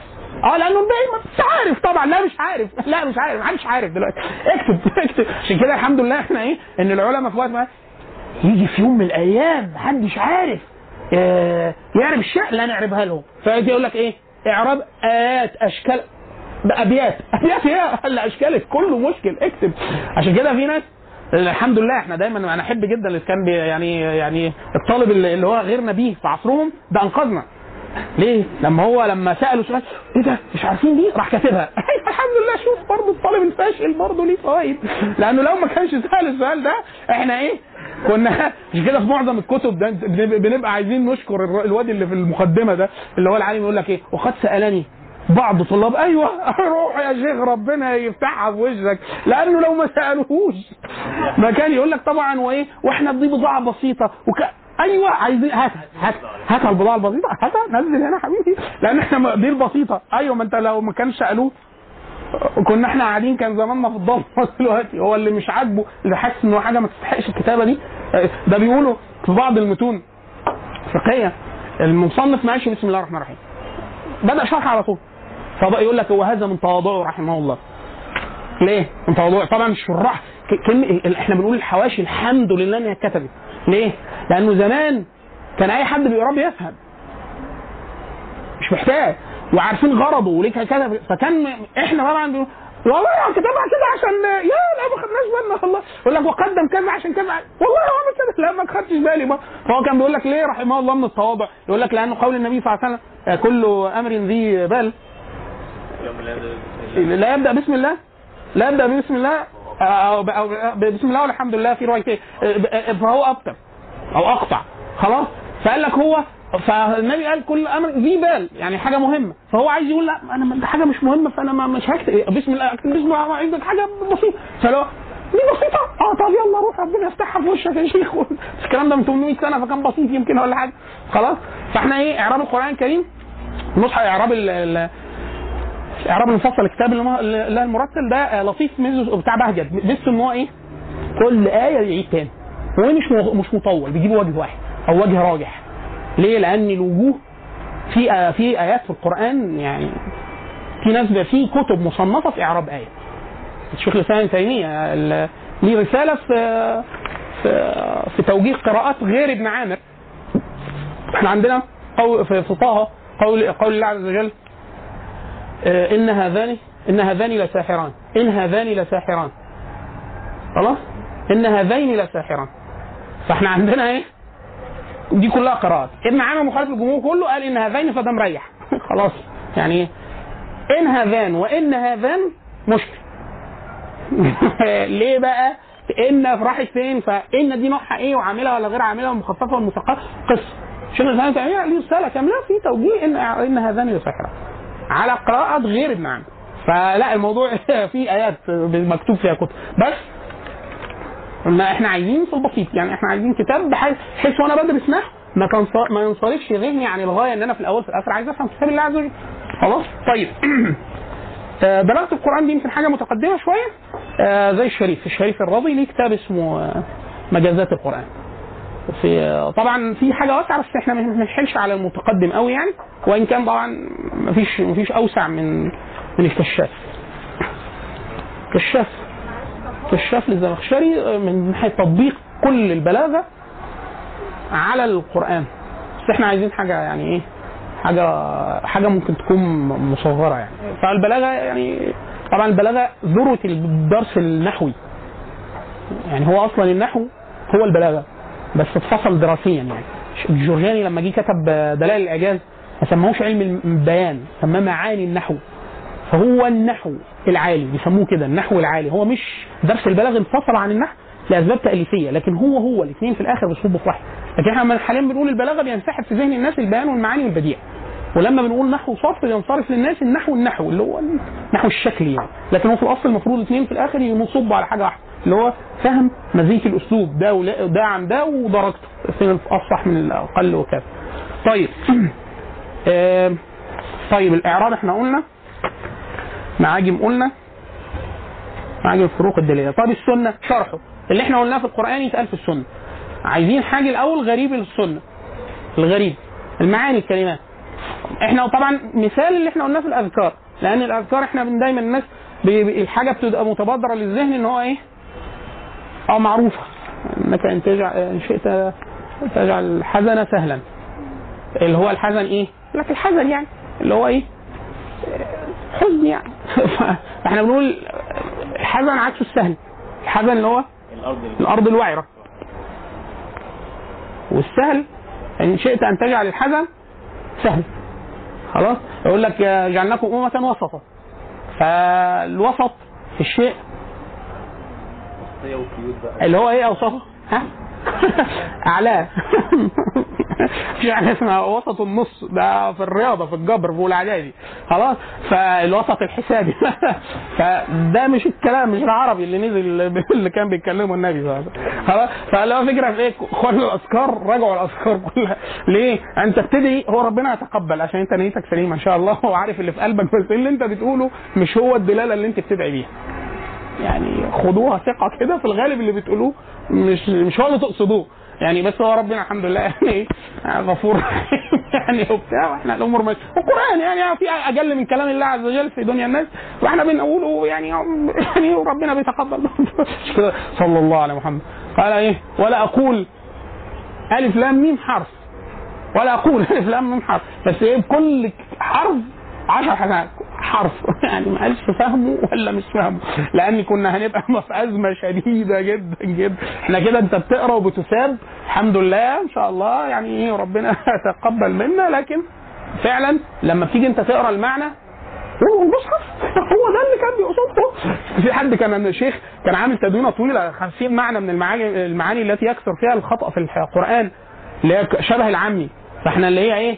شبهه فأكيد عارفينها. منها أم الوسط وال وجابوا الصخرة بالواد وأهش بها على غنمي. يقول لك أهش بها على غنم يعني ماشي أهش. فهو أهش بها غنم يعني إيه؟ ماسك العصاية بيمسك الشجرة يخبطها فدي الهش. الهش إن هو يضرب الشجر فينزل الورق فتاكله الاغنام فاللي هو بيهشهم يعني يطير وراهم. فهو اللي إحنا بنقول إيه دايما المصري إذا قرأ القرآن يعني إيه؟ في الغالب ربنا بيغفر له بيرحمه يعني. بس هو في الغالب المعنى اللي في ذهنه مش هو ده المعنى اللي وس... لا بس سيارة ما يعني سيارة ومصانع. خلاص. الشاهد نرجع تاني. عشان كده إحنا بنقول إن معاني مفردات مهمة جدا. بسم الله الرحمن الرحيم. إيه ده؟ المفردة دي؟ معناها في اللغة أصلا إيه؟ قبل ما أي مستوى أعمق من كده يعني. خلاص طيب. آه السنة برضو غريب الحديث. طبعا أجل كتب الغريب على الإطلاق النهاية النهاية لابن الأثير. بس إيه؟ في حد معاصر عمل الكتاب اللي هو أخونا مين؟ اسمه الجامع أظنه. الجامع في غريب الحديث. ميزته طبعا إن هو جمع إيه؟ سبع أو ثمان كتب منها النهاية. يعني النهاية في في غريب الحديث بتاع ابن الأثير أوسع حاجة اتكتبت على الإطلاق. بل ما هو هو مصدر من مصادر الخمسة الأساسية للسنه العرب. بتاع ابن منظور حاجة حاجة جميلة جدا. لكن هو إيه؟ ما اكتفاش بيه. يعني هو في غريب الحديث ل لأبي عبيد وفي تصحيح غلط أبي عبيد في ابن قتيبة وفي أغلاط المحدثين بتاع الخطابي وفي الفائق بتاع. الفائق الفائق الزمخشري يعني راضي ربنا يرحمه ويتجاوز عنه الفائق فوق الرائع. غريب الحديث. هو جمع كل اخونا بتاع الجامع ده جمعهم كلهم الكتب القديمة ورتبهم وحطهم كلهم في كتاب واحد مش فاكر اسمه والله هو باحث معاصر. دكتور معاصر. في عدد مجلدات. لو شفتوه بي دي اف هيبقى لطيف جدا. ليه؟ لأنه لو جبت اللفظة ودورت عليها هتفك لك كل الأحاديث اللي فيها اللفظة دي. خلاص؟ وبالذات الحاجات المتبادر للذهن إن هي معروفه مش معروفة. ماشي. طيب. إعراب الحديث برضه وإن كان طبعا القرآن مخدوم. القرآن أعرب تام حتى قراءات الشاذه لها كتب مصنفة زي ابن خلاوي وابن جني وغيرهم. صنفوا في الشاذ. إعراب القراءات الشاذه بس ده ما يلزمناش قوي يعني والا طبعا هو علم جليل جدا وليه فايدة كبيرة جدا في الخلاف الفقهي وغيره. لكن الشاهد إعراب الحديث أوسع كتاب في غريب الحديث هو في إعراب الحديث هو عقود الزبرجي. طبعا كل شراح الحديث بيعربوا كلمات كتير وهم ماشيين يقول لك دي ممكن تشكل. يا ريتهم كانوا يعربوا كله. يمكن بتاع. ف... فنصيحه مثلا أنتوا بتبدأوا لو حد بيقرأ في الأول حاجة حديثه أو بيحفظ بيحفظ ال 40 في ناس كتير أعربت ال 40 نوويه فتروح تشوف كتاب إعراب 40 في ناس منزلاه بتبقى في جزء. 40 نووية. زي جزء عامة كده. هتحفظه أو حافظه شوف إعرابه. وشوف الغريب بتاعه من كتب الغريب اللي إحنا قلناه. وابدا بالبسيط فالاعقل خلاص؟ وإعراب إعراب الحديث اوسعهم عقود الزبرجد بتاع السيوطي. طبعا في حاجات مصنفة في زي إعراب الأربعين كده إعراب الخمسين الرجبية إعراب بعض المتون الحديثية المهمة. في ناس بتعرب الكتاب كله. إيه؟ طيب. اسمه؟ بتاع الجامع في غريب الح... في غريب الحديث؟ عبد السلام علوش؟ ده إدار إيه المنهاج ولا إيه؟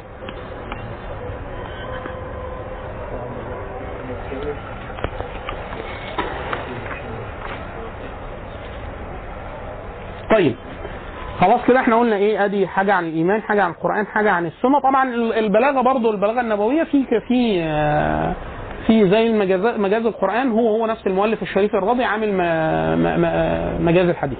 هو في محقق آه، التواب عبد التواب هو في حد شغال هنا؟ في, في حد ورانا؟ اسأل لا نكون معطلين حد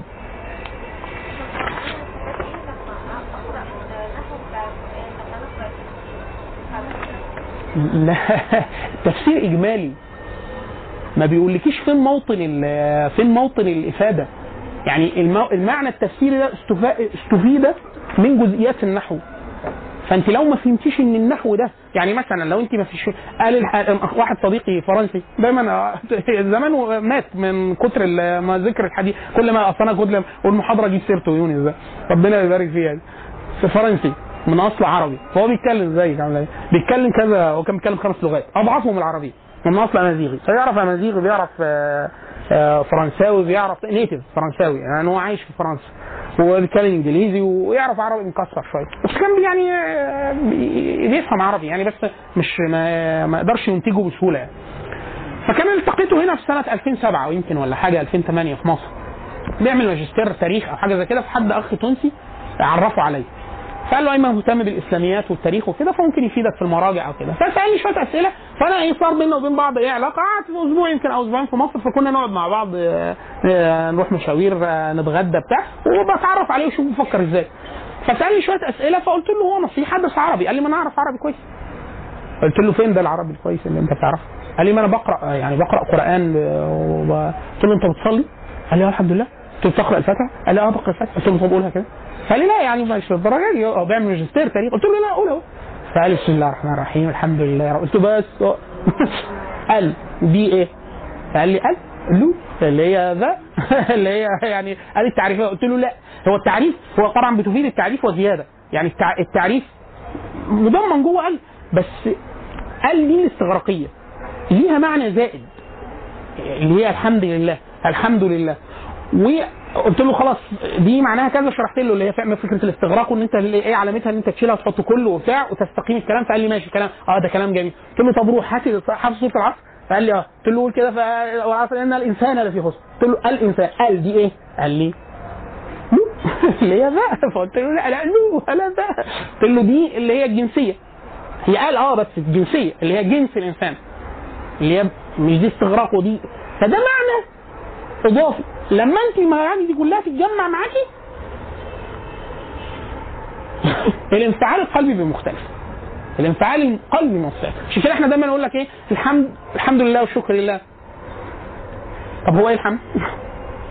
طب إيه الشكر؟ لأنه معنى الحميد غير معنى الشكور فايه بقى الشكور؟ هو إيه معنى الحميد؟ لأنه ده المعبود اللي انت بتتوجهي ليه قلبيا وعباديا وبتاع انت مش عارفة صفته. عشان كده دايما إحنا بنقول إيه؟ معظم أسئلة الناس اللي بتبدو إن هي أسئلة إلحادية أو شكيه أو كذا هو فعلا ما يعرفش ما يعرفش ربنا. ما يعرفوش ما يعرفوش بصفاته هو الله عز وجل لا يعلم ذاته إلا هو. لكن إحنا عرفنا الله عز وجل بتعرف يعني ببعض الصفات اللي بندعوه بنعبده بيها وبنخب ب- بندل الناس عليه على هذه الصفات في حدود اللي إحنا نعرفها فهذه الصفات أصلا تتنافى مع اللي بيسالها يعني يقول لك طب افرض أنا عملت كذا كذا كذا. وفي الآخر ما يبقى كده ضاع كل اللي أنا عملته. يا ابني ربنا شكور. شكور. المعنى ده شكور يعني يجزي بالكثير على القليل. يعني أقل حاجة أنت ممكن تعملها هيجزيك بالكثير جدا عليها وحميد يحمد بيك الفعل والله عز وجل يحب الحمد. فانت هو الله عز وجل بيحب الحمد فانت بتتقرب له بما يحبه. وهكذا. ففي معاني معينة. عشان كده إحنا بدينا في الأول خالص بما يستعان من اللغة يستعان به من اللغة على فهم أسماء الله الحسنى الأول مين ربنا. فأنا ما أعرفوش غير بالعربي. عشان كده إحنا دايما بنقول إيه؟ حتى يعرف الناس الأول بمعاني أسماء الله الحسنى في العربية. وإلا لو أنت قلت له the most gracious المعاني اللي في الإنجليزية لن لن تقوم مقام حتى كلمة God نفسها لن تقوم مقام الله أو الرب في العربية. انت تشرح له المعنى اللي جوه الجذر العربي. اللي هو موجود في. انا لنا اخت ربنا يبارك فيها المهندسة سميرة. سميرة سميرة مصرية هولندية. فكنا اديناها جزء من الجذور. ال- الجذور الأولى أول 10 شيوعا في القرآن أول 20 وترجمتهم للهولندي. وعلمت بيهم عربي هناك لم- المسلمين وغير مسلمين أثر غير عادي. لما بتشرح له المعنى المحوري بالهولندي. فهو المعنى اللي المعنى اللي قام في ذهنه هو المعنى العربي بس بعد شرح مطول طبعا يعني أنا أنا أنا بصراحة أنا كنت هي بتقول لي لا بعدد ساعات محدودة صغيرة جدا علمتهم فيها عربي بالجذور الأكثر شيوعا وبالطريقة دي وبتاع وقالت لي جايين مصر زيارة طب هيعملوا إيه يا سمير؟ قالت هم هيتعلموا آه، شعر جاهلي و... شعر هو إيه شعر جاهلي؟ ده هم اتعلموا كام عربي ليهم كام ساعة؟ قالت لي 20 ساعة مثلا 20 ساعة بس تعليم عربيه يعني 10 محاضرات ولا حاجة ما يعرفوش أي قبل قبلها عربي وفيهم من غير مسلمات. قلت طب هبقى عايزين إيه بقى؟ قالت لي أربع أو خمس محاضرات مكثفة في الشعر العربي وتاريخ الأدب عندنا ويقروا شعر جاهلي والمعاني. قلت لها ده ما يستقيمش. قالت لي بس أنا هو قلت لا هم هيفهموا كويس.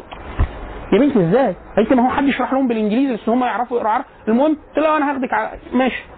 زوجتي شرحت لهم بالإنجليزي تاريخ أدب وشعر. قالت لي أنا استغربت فعلا. من أول حصة أقول لهم اقروا اقروا. شعر جاهلي اقروا شعر جاهلي.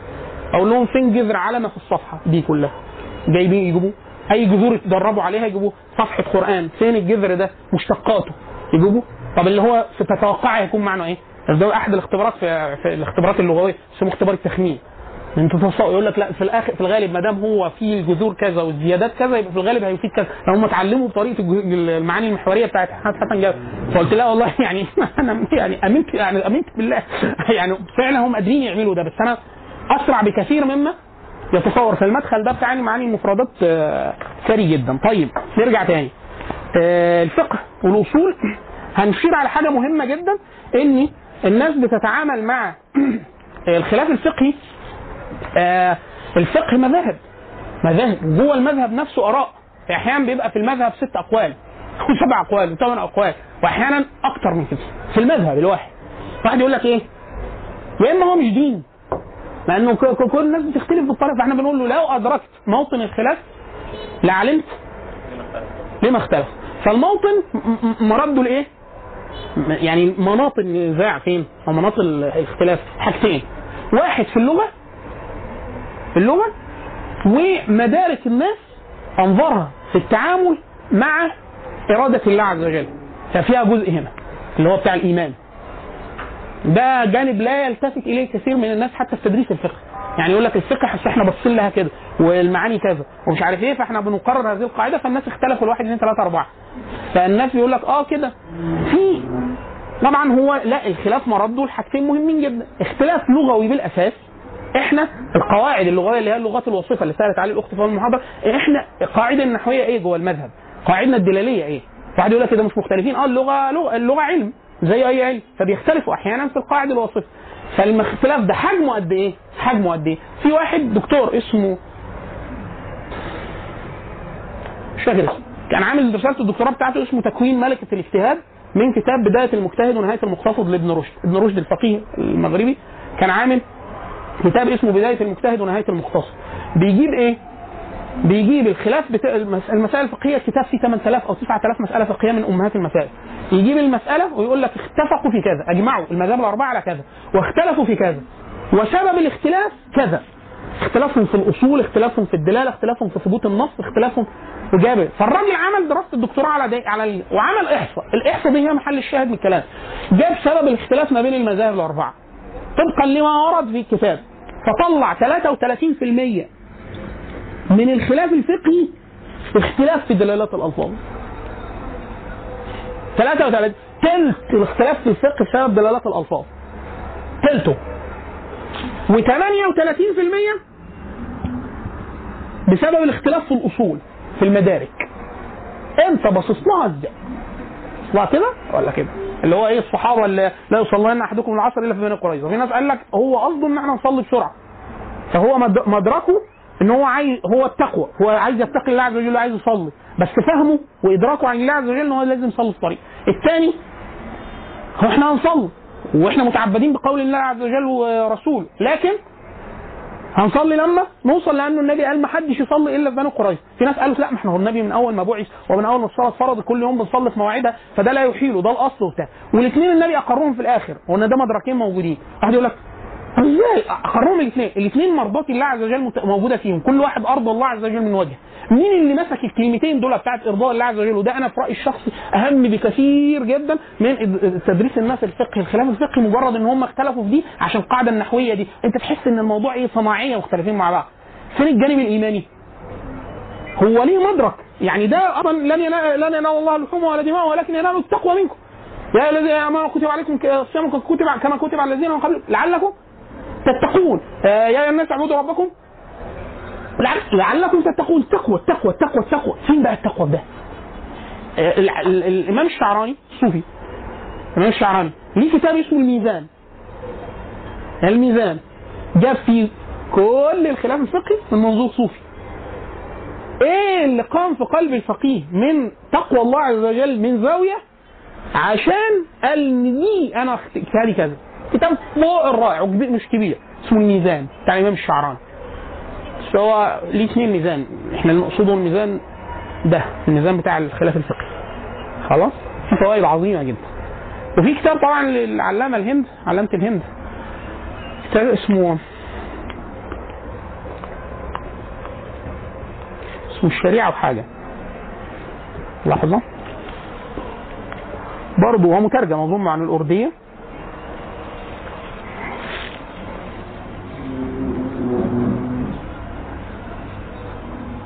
آه للعلامة الكندهلوي. آه، اسمه آه، اسمه الشريعة والشريعه والطريقة الكندهلوي. أمير الهند. كان أمير الهند في في, في, في وقته. هو كان علامة فقيه. زي الهند عدى عليها كذا كذا واحد فقيه وأمير. سلطان ومحدث.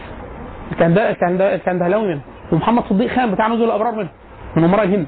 أمير. سلطان و... إيه؟ الشريعة والطريقة يقصد بالشريعة الفقه بالمعنى الصناعي اللي الناس بتمارسه.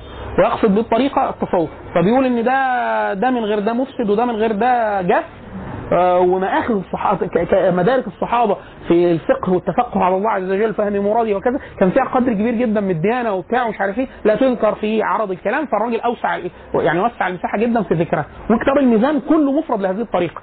يعني يقول لك اللي قال اللي أقرب أقول بسم الله الرحمن الرحيم ولا ما أقولهاش في الصلاة؟ بسم الله الرحمن الرحيم آية من القرآن ولا مش آية؟ آية في الفاتحة ولا مش آية؟ خلاف فقهي ومعروف وبتاع.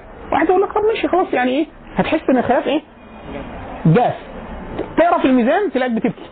مسائل في الطهارة تلاقيك بتبكي. ليه؟ لا المسألة ده ده, ده باصص في حتة تانية. عشان كده حد يعني حدثت أن الشيخ الشيخ عماد عفت الله يرحمه كان اللي بيشوف الدرس بتاعه ومش سامع الدرس يعني هو مش سامع إيه اللي بيقوله. هو بيتكلم في الفقه ده بالطهارة مثلا. وتلاقي ناس مدمعة وبتاع. هو الشيخ ده درس التزكية؟ لا هو فقه. وأنا أنا لا أرى المسألة إلا بهذه الطريقة. ليه؟ لأن هو لأن العلم إن لم يقربك لله عز وجل هو مش العلم. يعني هو مش ده. وإلا حديث النبي صلى الله عليه وسلم كان يقول الصحابه كان ما ما ما آه مجلس النبي صلى الله عليه وسلم مجلس إيه؟ ذكر للجنة والنار والله عز وجل فاللي هو النبي قال لو وصف حال الصحابه معاه. قال لو بقيتم على الحالة التي أنتم فيها عندي وفي الذكر. القعدة دي لا ده الوضع كان هيبقى مختلف جدا. فلا هو ده الطريق هو هو دي مش كده. كان يقولوا الأمهات زمان كان يقولوا أحمد بن حنبل ولا مش عارف مين حد من الائمه الكبار. كان في مجلسه يقولوا 5000 محبره أو أكثر 5000 يعني 5000 طالب علم بيحضر. يقولوا محبره يعني يعني يقول ويقولوا مش عارف قدهم ولا ثلاث أضعافهم آه جايين قاعدين ما بيكتبوش. كانت الأمهات ترسل الصبيان وهو صغار آه حتى لو بيرووا عن حد من الأئمة كانت امه بتبعته بالطريقة دي. تلبسه حلو وتنضفه يعني يبقى لابس عشان ما يؤذيش الناس يعني مش اللي هو واكل شوكولاتة وروح حبيب المسجد لا منضفاه يعني وبتاع وتقعده تقول له اذهب إلى فلان فتعلم من هديه ودله وسنته. يعني يروح يتعلم الأدب والأخلاق وبتاع مش عارف إيه لأنه إيه؟ هو ده الايه المراد النهائي يعني. عشان كده حد ابن وهب اظن من تلامذة مالك كان يقول صحبت مالك 20 عام 20 سنة صاحبه يعني بيطلب العلم عليه يعني. تعلمت منه الأدب في 18 عام وعلمني العلم في عامين. والأول كان بإيه؟ بيوذب نفسه فهو ده الهدف النهائي اللي المفروض الواحد لا يحيد عنه يعني. الشاهد. سلطان. آه. سلطان يزن. زي اورنجزيب كان فقيه حنفي وصديق خان والكندهلاوي والكندهلاوي من من علماء الصحوة الشديدة جدا في الصحوة الحديثية وبتاع. هو كان عالم كبير جدا. خلاص. وعالم وصوفي كمان. الشاهد الكتاب الشريعة برضه في في فكرة الحتة فكرة إيه؟ خلاف المذاهب بين المذاهب بس من المأخذ الفقهي أو القلبي يعني. خلاص؟ طيب. إيه؟ الشريعة والطريقة. بتاع الكندهلوي محمد الكندهلوي خلاص إحنا قلنا إيه؟ آه آه. لأن هو بيتكلم على الأئمة. ال- الناس أحيانا بتلمح الفقه في نظر المت- المتأخرين.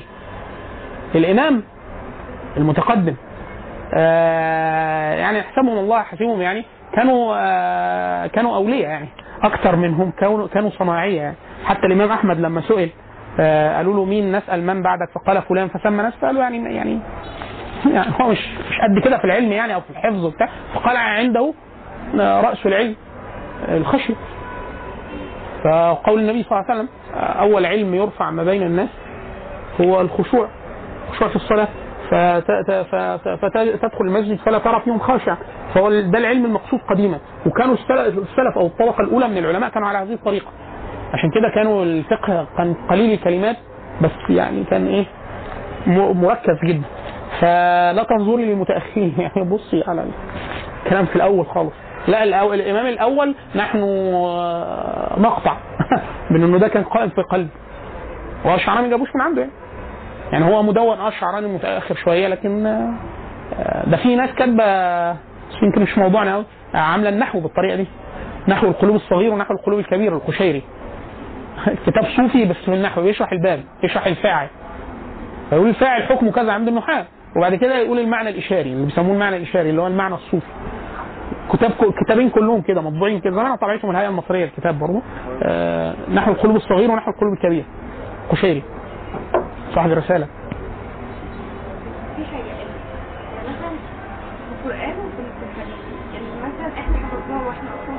ماشي. إحنا طبعا ما كناش مدركين اي حاجة أديك أدركت. طيب الاطفال بقى اللي إحنا مثلا حد يدركوا إن شاء الله.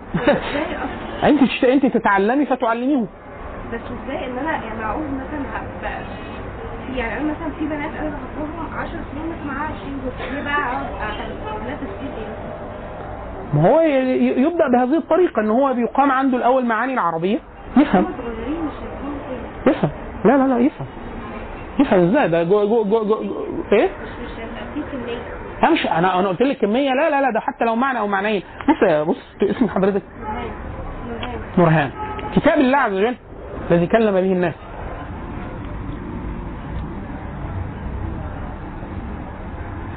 على خلاف ما بين المذاهب في العد ده مش موضوعنا. خلاص؟ وإلا عد الآية ده علم. في خلاف في المذاهب. إحنا على العد الكوفي. لكن الشاهد بغض النظر عن ده مذهب مين في العد. 77441 كلمة. ده كتاب الله عز وجل كله. خلاص؟ دول كلهم كام؟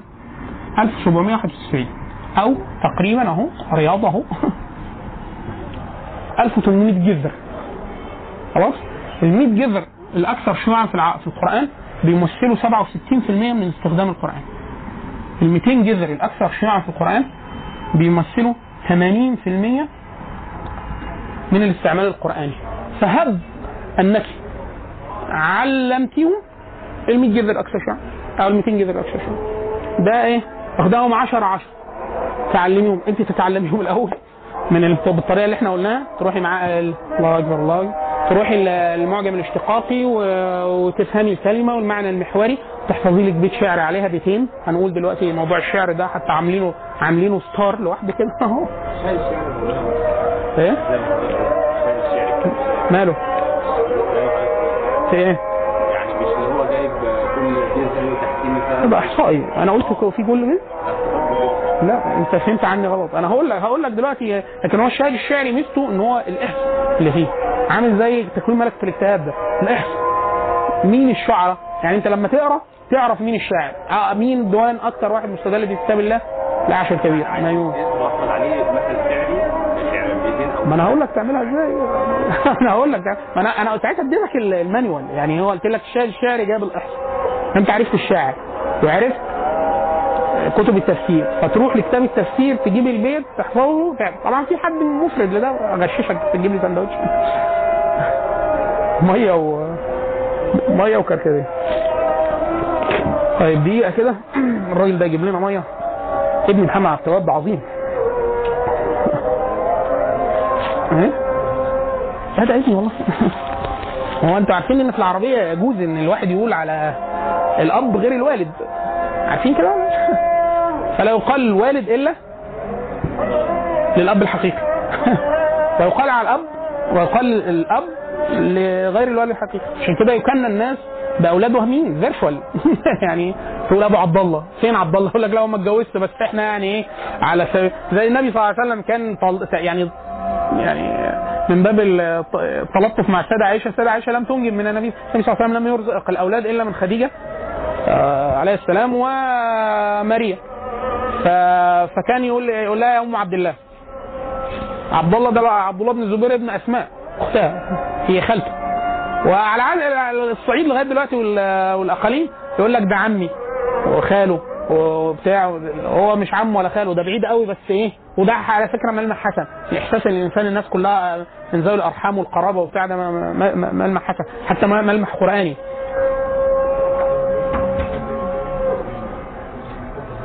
آه آه لا هو ابني روحيا يعني. مش مرة حد من أخواننا أحمد محسن كان بيحضر معايا وهو في إسبانيا بيوري حد بنت بتدرس معاه هناك فأجنبية. فيعني مفهوم الثقافة العربية مش عندها قوي فهو بيوريها صور ففي صورتي أنا في الصور. فلا ده أبي. فيقصد ان أنا دايما أقول له انت انت ابني أحمد يعني يعني من باب ال- الت- التبني العلمي والرو- والروحي أكتر منه طبعا ابني حقيقي. فقالت له والله ده اتجوز مامتك يعني بعد ما والدك اتوفى. لا لا لا لا لا, لا يعني يعني قعد فترة يشرح لها عشان.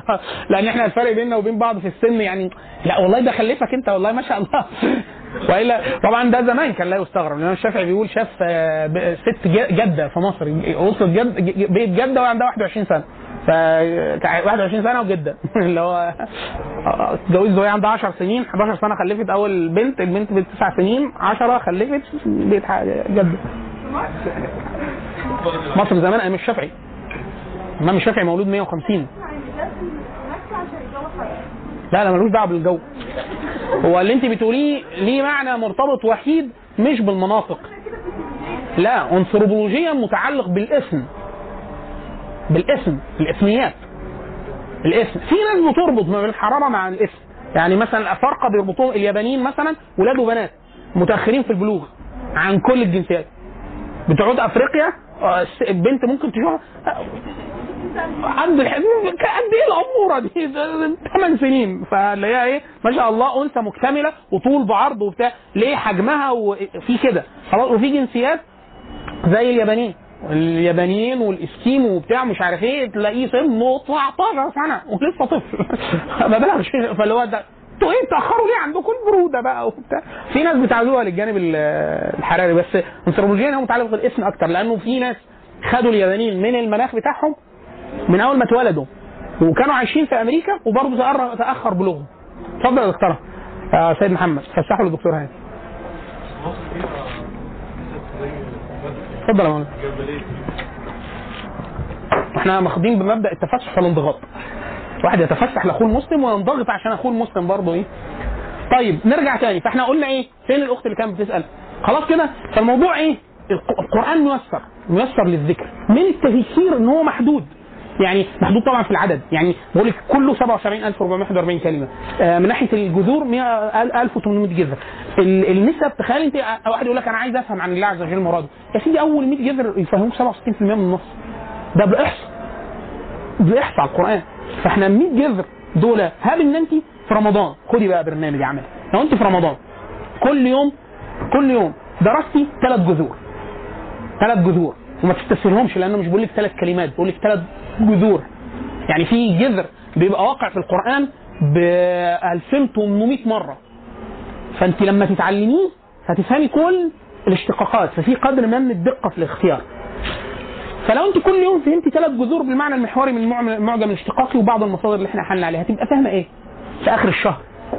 ال 100 جذر الاكثر شيوعا يعني فاهمة كام في المية من النص؟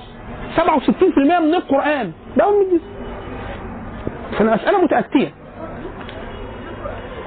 إحنا بنجمعها إحنا أنا طبعا إحنا مجمعينها لأنه ده شغلنا في المدرسة مدرسة كلمات إحنا عاملين 500 جذر أكثر شيوعا بكل تصريفاتهم الصرفية بكل استعمالاتهم بكل حاجة. بس مش مدون. إحنا عايزين هننزله كتاب إن شاء الله. اللي هو إيه؟ 500 جذر أكثر شيوعا في القرآن. إحنا شغالين على 500 لأن بيعملهم للاطفال عشان السؤال بتاعي. إحنا عايزين الطفل إحنا كل الانشطه اللي بيمارسها من ال 500 جذر الاكثر شيوعا في القرآن بحيث الطفل اول ما يوصل لسن التكليف يكون ده مستهدفنا النهائي ان هو يفهم كل جذور القرآن. فان ادعينا آه، ونبقى صادقين في الادعاء ان هو ده هذا الطفل أو اللي كان طفل يعني فاهم الجذور بمعناها المحوري كلها ما نبقاش مبالغين. بشكل استقصائي لأن إحنا اللي عاملين الانشطه اللغويه حاطين فيها كل الجذور دي من الصفر. يعني هو الطفل بيبدأ يتعرض للجذور دي من هو عنده أربع سنين. هو مش عارف إن إحنا بنعمل كده بس إحنا بنعمل كده. بنعمل كده في بناء المنهج يعني. اللي خد ال آه. خلاص كده؟ إيه؟ فصول إيه؟ آه آه في في أنا بأي حد بنات أختي وديتهم عشان يبقوا هم هيتخرجوا قريب فقالوا لي طب ممكن نرجع فيها أطفال؟ ندرس لأن ما عجبتهم اللعبة يعني. خلاص طيب. كده إحنا قلنا غطينا ال- الكتاب والسنة والفقه والأصول. الك- الك- الكتاب اللي حلنا عليه إحنا بنقول تاني اهو. 33 في الراجل في الآخر ال ال في الرسالة هي بتاعت الدكتوراه.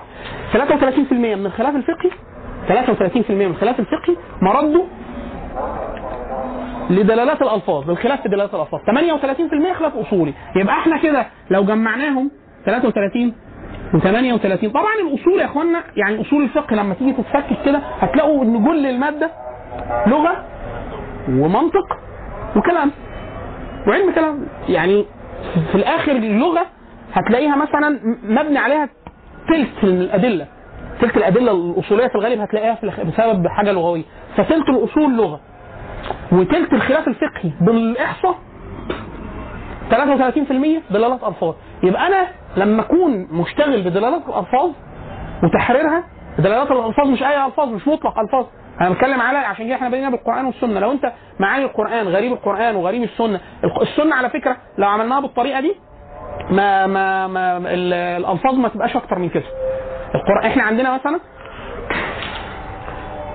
في محاولات للاستقصاء السنة. في طبعا في ناس حاولت تجمع السنة قديما لكن إحنا عايزين رقم نتحرك حواليه نتحرك حواليه.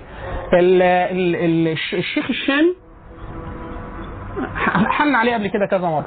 الشامي عمل حاجة لطيفة جدا. جاب الكتب التسعه وجاب الكتب ال 14 وراح مجمعها مع إزالة المكررات. إيه الكتب التسعة؟ صحيحين سنن الأربعة موطأ مالك والدارمي مسند أحمد. دول إيه؟ التسعة. ال 14 نضيف على اللي أنا قلته. صحيح ابن حبان صحيح ابن خزيمة مستدرك ال- مستدرك على الصحيحين للحاكم وايه؟ سنن البيهقي والمختارات للضياء المقدسي. كده كتب ال 14 أدي التسعة دول ال 14 الراجل جه جمعهم وبعد كده شال المكررات وبتاع طلع له في الآخر الكتب التسعة من أصل 62 ألف حديث ب- لما شال المكررات وشال ال- طلع له آه، دول طلعوا 16000 حديث. خلاص؟ لما ضاف عليهم كتب في الآخر الرقم كله من من من من أصل بعد ما الكتب كلها 114 ألف حديث وحاجة هيطلعوا إيه؟ رقم يعني تقريبا ربعه ولا خمسه. هي دي الأحاديث بدون مكررات. خدهم وراح مجردهم على المعاني. جاب حديث أتم حديث في المعاني معينة جمعهم طلعوا 4000 وكسور بس. ومجمعهم في ثلاث مجلدات اسمه منهاج السنة. خلاص؟ فلو واحد عمل على منهاج السنة يمسك هذه منهاج السنة هو معاه. ال 4000 حديث دول في الغالب فيهم 99% من المعاني اللي وردت في السنة. لو أنا عايز إيه؟ أفهم المع... المع... ال- الألفاظ أهتم بالكلمات بس كلمات محصورة. وأروح رايح لإيه؟ للجامع في في الغريب بتاع آه، سامي اسمه إيه؟ بتاع عبد السلام علوش ده مجمع السبع كتب الأهم في غريب الحديث. اللي هو ال- الفاق الف- الف- الفائق بتاع الحديث وكتب ابن قتيبة وأبي عبيد وغيره. يبقى أنا كده عندي المعنى بطريقة المعنى المحوري المعنى والأحاديث ال- جل الأحاديث أو جل معاني الأحاديث. فأنا برضو يبقى كده أنا بعمل إيه؟ ختمه قران ختمه سنه وأنا جاي أدرس فقه أو أصول هيبقى فعلا فعلا. أنا عندي أرضية لغوية حسنة جدا في في دي. وإلا أنا ممكن أدرس نحو كتير جدا. وما اوصلش لأول حاجة هبدأها في كتاب الله. زي ما إحنا ضربنا مثال بالقلب. اللي هو انت قل عشان تعرف حروف المعاني في معاني قل بتاعة الاستغراق بعد قد إيه مستوى نحو؟ ممكن يبقى كتير. لو بديت بالمدخل الوظيفي ده اللي هو أنا داخل على. عايز أفهم قرآن وسنة هيبقى إيه؟ أيسر وإيه؟ أسرع. خلاص كده؟ يبقى أنا إحنا إيه؟ أدي الإيمان آه، مباحث الإيمان والقران السنة فقه وأصول. برضه قلنا اللي إحنا كنا عايزينه. طبعا في طبعا ده مدون فيه. اللي هو إيه؟ واحد يقول لك خلاص طب أنا قطعت شوط في الفقه. ممكن النحو بتاعنا؟ النحو بتاع الخلاف. الإسنوي أظن وعامل كتاب آه، اللي هو ال- الكوكب الدري اللي هو إيه؟ الأصول. الأصول النحوية وما يخرج عليها من خلاف الفقه. بس يعني ده ومختلفين اللي عمله الشعراني صوفي وده عمله نحوي. خلاف الفقهي على ال- الأصول النحوية. برضو كده يبقى أنا واقف على إيه؟ على أرضية نحوية وأنا فين؟ وأنا في في الفقه. تمام؟ طيب. آه في حاجة آه، نسينا نقولها ال- ال- ال- الجذور اللي إحنا قلناها ترتيب الجذور. لو أنا عايز كل جذر أتعامل معاه أعرف عدد وروده في القرآن في المعجم بتاع آه، خضر محمد خضر اللي هو معجم كلمات القرآن. ده الراجل سايبه بطريقتين لطاف جدا على الشبكة. سايبه PDF وسايبه searchable يعني تقدر تدور جواه. هتجو تدور على الجذر تعرفه لأنه بيجيب الجذر ويجيب كل الآيات اللي وردت فيه وعددها وعددها بدون المكررات كتاب كتاب جزئين كتاب شارح فيه نظرية وكتاب ال- ال- المعجم ده اللي يلزمنا والاثنين مرفوعين. مرفوع مش صورة نصية ومرفوعه صورة اللي هو ال PDF يعني. آه، معجم كلمات القرآن محمد زكي خضر عامله site يعني آه،. خلاص كده؟ قلنا دي الكلام على الأصول الكلام على الفقه. آه، الرؤى علماء الرؤى في في ال- الرؤى علم شرعي ومؤلف فيه مصنفات من الحاجات المشهورة فيه الألفية بتاعت ابن الوردي اللي هي بيسموها ال- ال- الم- المنظومة الوردية. ألفية خلاص؟ من أوائل الكلام في الاشتقاق في من الكلام في الرؤى يقول لك لا يعبر المعبر ال- إلا يكون يعني عالم بكتاب الله عالم بالسنه لأن بتخرج رمزي على الكتاب والسنة وعالم بالاشت- بالاشتقاق. لازم يكون عالم باشتقاق الأسماء واشتقاق دلالة الألفاظ لأن أول علم يستعان فيه بالتعبير اللي هو الدلالات. أنت شفت إيه؟ فاللفظة اللي أنت هتقولها لها دلالة. وطبعا وفي أحاديث كثيرة عن النبي صلى الله عليه وسلم والصحابة المشتهرين بالتأويل زي أبو بكر والسيدة أسماء وغيرهم على فكرة الاستخدام بتاع الاشتقاق في فهم أو تأويل أو تعبير الرؤى. وهو في الآخر برضه في قدر من الظنيه لكن غير عالم بالاشتقاق غير عالم بالكنايات غير عالم بالأساليب. ودلالها في كلام العرب في الغالب هيقولوا غلط. واحد يقول لك طب لو الحالم أمريكاني؟ واحد فرنساوي نعمل إيه؟ برضه علماء الرؤى يقول يخرج على الاشتقاق في لغته في لغة الرائي يعني اللي بيشوف لو عربي يخرج على العربية لو اللي بيشوف فرنساوي وإنجليزي طبعا ده م- م- مبثوث في كتب بس يعني ما يلزمناش في السياق بتاعنا دلوقتي. طيب. الشعر. نختم بده. أنا عايز آه كده أفهم كتاب أفهم السنة. المادة الأهم والاغزر في الاستدلال على النصين الشعر. يعني هو آخر حاجة يعني واحد يقول لك إيه ده قرآن فبتقول له آه قرآن. طب هو معناه؟ فبتقول له معناه كذا في المعجم. مش عرفك. فبتقول له قال فلان ده آخرك. آخر حاجة بتلجأ لها. المواقع المشهورة جدا وإن لا تصف بسند متصل. كلها كل الواقع لكن تصف بأسانيد متفرقة اللي هي واقعة آه، عبد الله بن عباس مع نافع بن الأزرق. هي الرواية آه، ت- تصح أصل القصة لكن لا يصح فيها مسائل ولم ولا تروى كلها بإسناد صحيح واحد. لكن هي موجود بقدر منها بأسانيد صحيحة في كتب السنة الموثقة. خلاص؟ لأن بتوع الأدب أحيانا يعني إيه؟ آه، بيكثروا الاستدلال بها على مسائل متعلقة ب آه، والألفاظ الصريحة في ال في ال في الأشعار. هي وقصه كعب آه، كعب بن زهير بنت سعاد. والاثنين لا يصفوا لهم إسناد بقى على طريقة المحدثين يعني من باب الغلاسة. وإلا طبعا يعني إيه المسألة اللي بيقصدوا ليها يعني آه، فيها متناوله في كتب الفقه بشكل مطول لكن هم بيعمدوا على طول لما بيقول لك هو عبد الله بن عباس سمع لا يصفوا ليها سند بال آه، بكام آه، يعني آه، آه، بن الازرق قال سيدنا عبد الله بن عباس حصل. سألوا على مسائل واستدل بالشعر حصل. جه ابن أبي ربيعة وهم قاعدين لا يصفوا لا إسناد. موجودة في كتب الأدب؟ آه. مشهورة؟ آه. صحيحة؟ لا. يعني من باب الغلاسه وإلا يعني آه، المسألة لها جيل في مسائل ثانية كع- كعب بنات سعاد آه، برضو إسنادها أحسن أحواله منقطع يعني. برضو. من ناحية الحديث من ناحية محضه يعني. ليه؟ لو هو حد عايز يقول لا ده النبي سمع كذا كذا كذا فإحنا بنقول له آه ده هيبقى تقرير فما دام كده الدليل كده ما ما المسألة مناقشة مناقشة الأدلة دي نفسها مناقشة والنصوص دي مناقشة. في كتب الفقه آه وده اللي يلزمنا ليه؟ لأن الفقهاء بيفصلوا ولما واحد بيكون هيملى إيده قوي وهيبني عليه أحكام بيقولوا له لا لحظة مثلا لو أنت هتبني على دي لا خد بقى يعني بيبقى في كلام يعني مش قصدي إن مش دي إيه مش إن هو ما دام حصل كذا يبقى حصل لا هو ما حصلش لو أنت اللي هتبني عليه ده. لكن المسألة طبعا مناقشة بشكل مطول في في في الكتب الفقه في أبواب كثيرة جدا منها الكلام متعلق به الشعر ومعنى الرفث يعني في في في غير موطن في ال- الفقه. نرجع تاني. فأنا آخر الشعر كلام قول عمر بن الخطاب رضي الله عنه الشعر ديوان العرب. فأنا لما هغلب في أي حاجة في الآخر إيه؟ آخر الشعر. عشان كده لما العلماء كفروا طه حسين كان لأسباب منها إن هو لو قال لك ما فيش شعر جاهلي خالص يبقى ما فيش قرآن. انت بتقول القرآن ده أسكت و... وأعجز العرب الفصحاء على المحاكاة وبتاع وهم شهدوا له كذا بقول لك ما فيش العرب فصحاء ولا شعر أصلا وما فيش حد قال أي حاجة. يعني النص اللي معايا ده أنا ما أعرفوش حتى شعر من من آه ما تعرفوش. لأن أنا ما أعرفش حتى الشعر كان إيه. يعني إحنا بنقول إيه ما دام ده الشعر بتاع العرب وهو على غير كلام سيدنا أنيس اللي بيروى عن سيدنا أنيس أخو سيدنا أبو ذر قال سمعت كلامه ووضعت كلامه على إقراء الشعر فلم يلتئم على فلم يلتئم على شيء منها وإنه لصادق وأنهم لكاذبون. استدل على صدق النبي صلى الله عليه وسلم بأنهم وصفوه بأنه شاعر. فخد كلامه وحطه على أوزان الشعر فلم يلتئم على شيء منه. ف- فهو واحد يقول لك هو أصلا ما فيش شعر مفيش شعر أصلا فإحنا مش عارفين إيه اللي سميته العرب شعر. يبقى القرآن ده يحتمل إنه يكون شعر فعلا. عشان كده دايما نقول من فضائل من الناحية القلبية. اللي العلوم كل علم ليه ثمرة قلبية.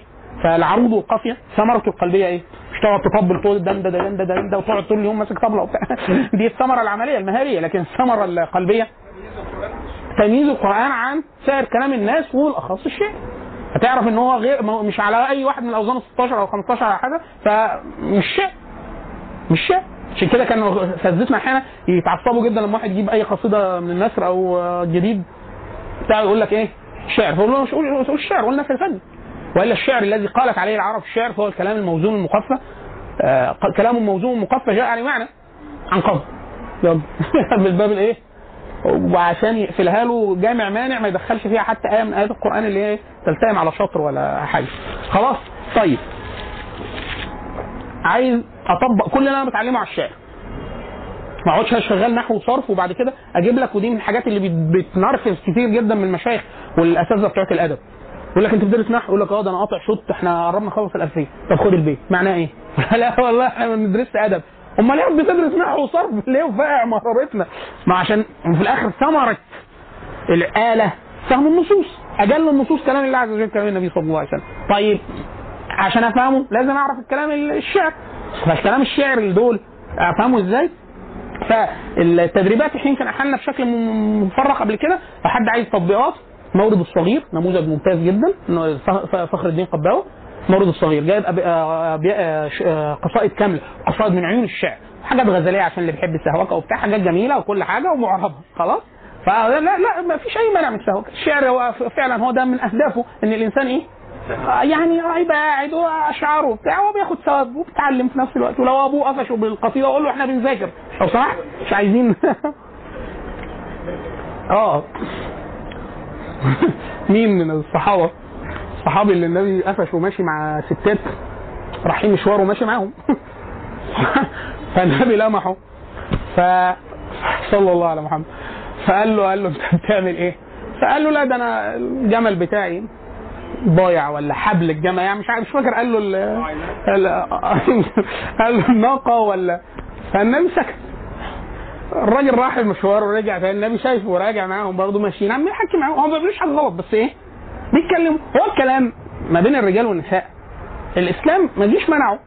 حتى النظر ما منعوش. قال ف- غض من مش غض غض البصر يعني هيقفل عينيه.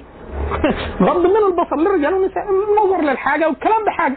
فلو بيع وشراء تعلم تع- تعليم مسائل العامة صباح الخير صباح النور ماشي. أوسع من كده هي هي هي اللي هو بقى الذريعة. هيجيب حاجات غير ده. فالنبي شافه تاني لمحه فجاله بقى بعد شوية هو دخل الراجل هيصلي فالنبي دخل وراه المسجد. فالراجل أول ما شاف النبي صلى الله عليه وسلم في الصح- راح داخل في الصف قال لك بقى لغاية ما يزهق. يلا. النبي جه قعد جنبه وقال له يعني إيه؟ اطل ما شئت فإني مقيم. يعني أنا مستنيك اخلص بقى. كلام معناه ان أنت قاعد اللي أنت عايزه أنا قاعد مستني. أنا جاي لك. فالراجل خفف الصلاه فالنبي قال له قال له يعني إيه؟ يعني ما, ما لقيتش الجمل بتاعك اللي أنت بتضحك فقال له والله يا رسول الله يعني ما ندت لي ناقه منذ ان اسلم ده أنا مفيش حاجة ضايعة مني وبتاع. فيعني فالنبي صلى الله عليه وسلم مسح على صدره فقال فما يعني فما- فكان يعني أبغض شيء إلى قلبي أو كلام بهذا المعنى. يعني أبغض شيء إلى قلبي مجالس النساء أو كذا اللي هو بدون حاجة. يعني إيه؟ فلكن النبي صلى الله عليه وسلم الشاهد في القصة ان هو الانسان بطبعه يميل يعني تقول له نقرا شعر ولا ندرس فقه. شعر حبتين كده نقول كلمه مين اللي كان دمه خفيف من المحدثين. الشعبي أظن أو ابن سيرين. حد قال له الشعر الغزل ينقض الوضوء بعد ما اقاموا اقاموا الصلاة وراح سأله. فراح قال له بيتين شع- شع- شعر غزلي مشهورين جدا والتفت فقال الله أكبر. وصلى عايز يقول له ان هو لا ما بينقضوش الوضوء يا اخويا في كتاب لطيف جدا اسمه الإسلام والشعر. آه ماذا فعلت بقى؟ ما لما كنا لما كنت لما كنت كاتب كتابي كنا عاملين ايفنت للكتب كتاب فكنت أنا إيه عارف البيت ده وعارف ليه تقليبات تانية. فكنت أجيب إيه كل المليحة في الخمار الأبيضي.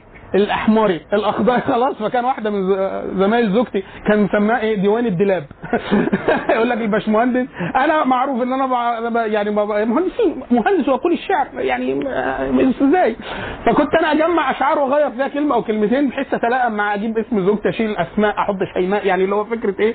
ما هو أسماء كثيره اتقال فيها أسماء دي ما فيش شاعر إلا ما إيه راح اداها حاجة شيماء قليل. فاطمة كتير. لو أقول لك هي اسمها اسمها اسمها إيه واحد من واحدة اسمها ألاء بس أنا بدلعها بقول لها ليلى. ليه؟ قال لك كل الأشعار فأنا هغش منين؟ ألاء صعبة. لو تكون متسمية زمان وبتاع. حتى ألاء غير المعنى المعروف برضو اللي الناس بتتصور. يراجع مفردات القران الفراهي. لكن الشاهد نرجع تاني. إن إحنا إيه عايزين مورد الصغير لفخر الدين قباوي آه الإسلام والشعر لو حد عايز المرويات اللي مع وضد والخلاف الطويل في الشعر في عالم المعرفة الكويتي الاسلام والشعر لطيف جدا. وفي حد كان اسمه العليان أظن كان عامل اسمه كتاب اسمه منهج إسلامي للغزل أو منهج الغزل الإسلامي. حاجة كده يعني حاجة متناول فيها مطول جدا. الكتاب يعني في الآخر قد لا نتفق مع قدر كبير جدا من الخلاصة اللي وصل ليها المؤلف لكن كتاب ثري جدا بالنقول ومثله البحث الحديث المطول لأسانيد المرويات اللي في السيرة. زي بنات سعاد. و آه، آه، اسمه إيه ده؟ آه، قصيدة آه، عمر بن أبي ربيعة ال- الفذة وهي قصيدة 100% قالها عمر بن ربيعة بس إحنا اللي بنشكك فيه ان هو إيه؟ قالها قدام عبد الله بن بس في الحرم هو ده هو ده محل الشاهد اللي هو اسمها إيه القصيدة بتقول إيه؟ هو إيه؟ من آل نعم لا ده ده لا, ده معروف قوي من آل نعم أنت غاد فمبكر غداة غد فمهجر القصيدة هي من عيون الشعر العربي فعلا بس هو قالها قدام عبد الله بن بلاس في الموطن ده هو ده المحل. وقالها بأبيات معينة بالمروية دي برضه هو ده اللي محل نظر فهذه ميزة الكتاب طبعا إن هو مطول جدا من أسانيد من كتب السير لا يصفو لها سند بهذه الطريقة. طيب. المورد الصغير القباوة المورد الكبير القباوة برضه. بس ميزة إنه عامل إيه؟ في المورد الكبير؟ إنه جايب القصيدة. شارح الغريب اللغة والإعراب والصرف وحروف المعاني وإعراب الجمل. ناس كتير جدا يعرب ولا يلتفت للجمل. إعراب الجمل على لوحده. ليه؟ لأنه في الآخر يا اخوانا إن أنتوا وأنت بتدرس نحو هو الحاصل إيه؟ إن أنت عندك صاد واحد صاد اتنين صاد ثلاثة بيدوا إيه؟ كاف واحد كاف اتنين كاف ثلاثة بيدوا إيه؟ ده صوت يعني. لا مؤاخذة. آه، أصوات بجمع منها أصوات بطلع في الآخر لفظة. لام واحد لا اللامات دي يعني ألفاظ ألفاظ بيطلعوا كلام الكلام ده بيطلع إيه؟ جيم واحد جيم اثنين جيم ثلاثة جمل الجمل دي بتطلع إيه؟ ف واحد ف. اللي هو فقر يعني الفقر دي تطلع في الآخر نصوص فده اللي بيسموه نحو النص أحيانا إن هو الجمله دي ورا دي إيه بقى علاقتهم ببعض؟ دي استئنافية دي افتتاحية دي ملهاش موطن من الإعراب دي إيه دي بقى؟ من غير الجمل ما تفهمش في الآخر سبق النص شكله إيه. فالناس دايما يعرب الإعراب المفردات ويجري. طب الجمله في الآخر إيه؟ الجملة فهدفها إيه؟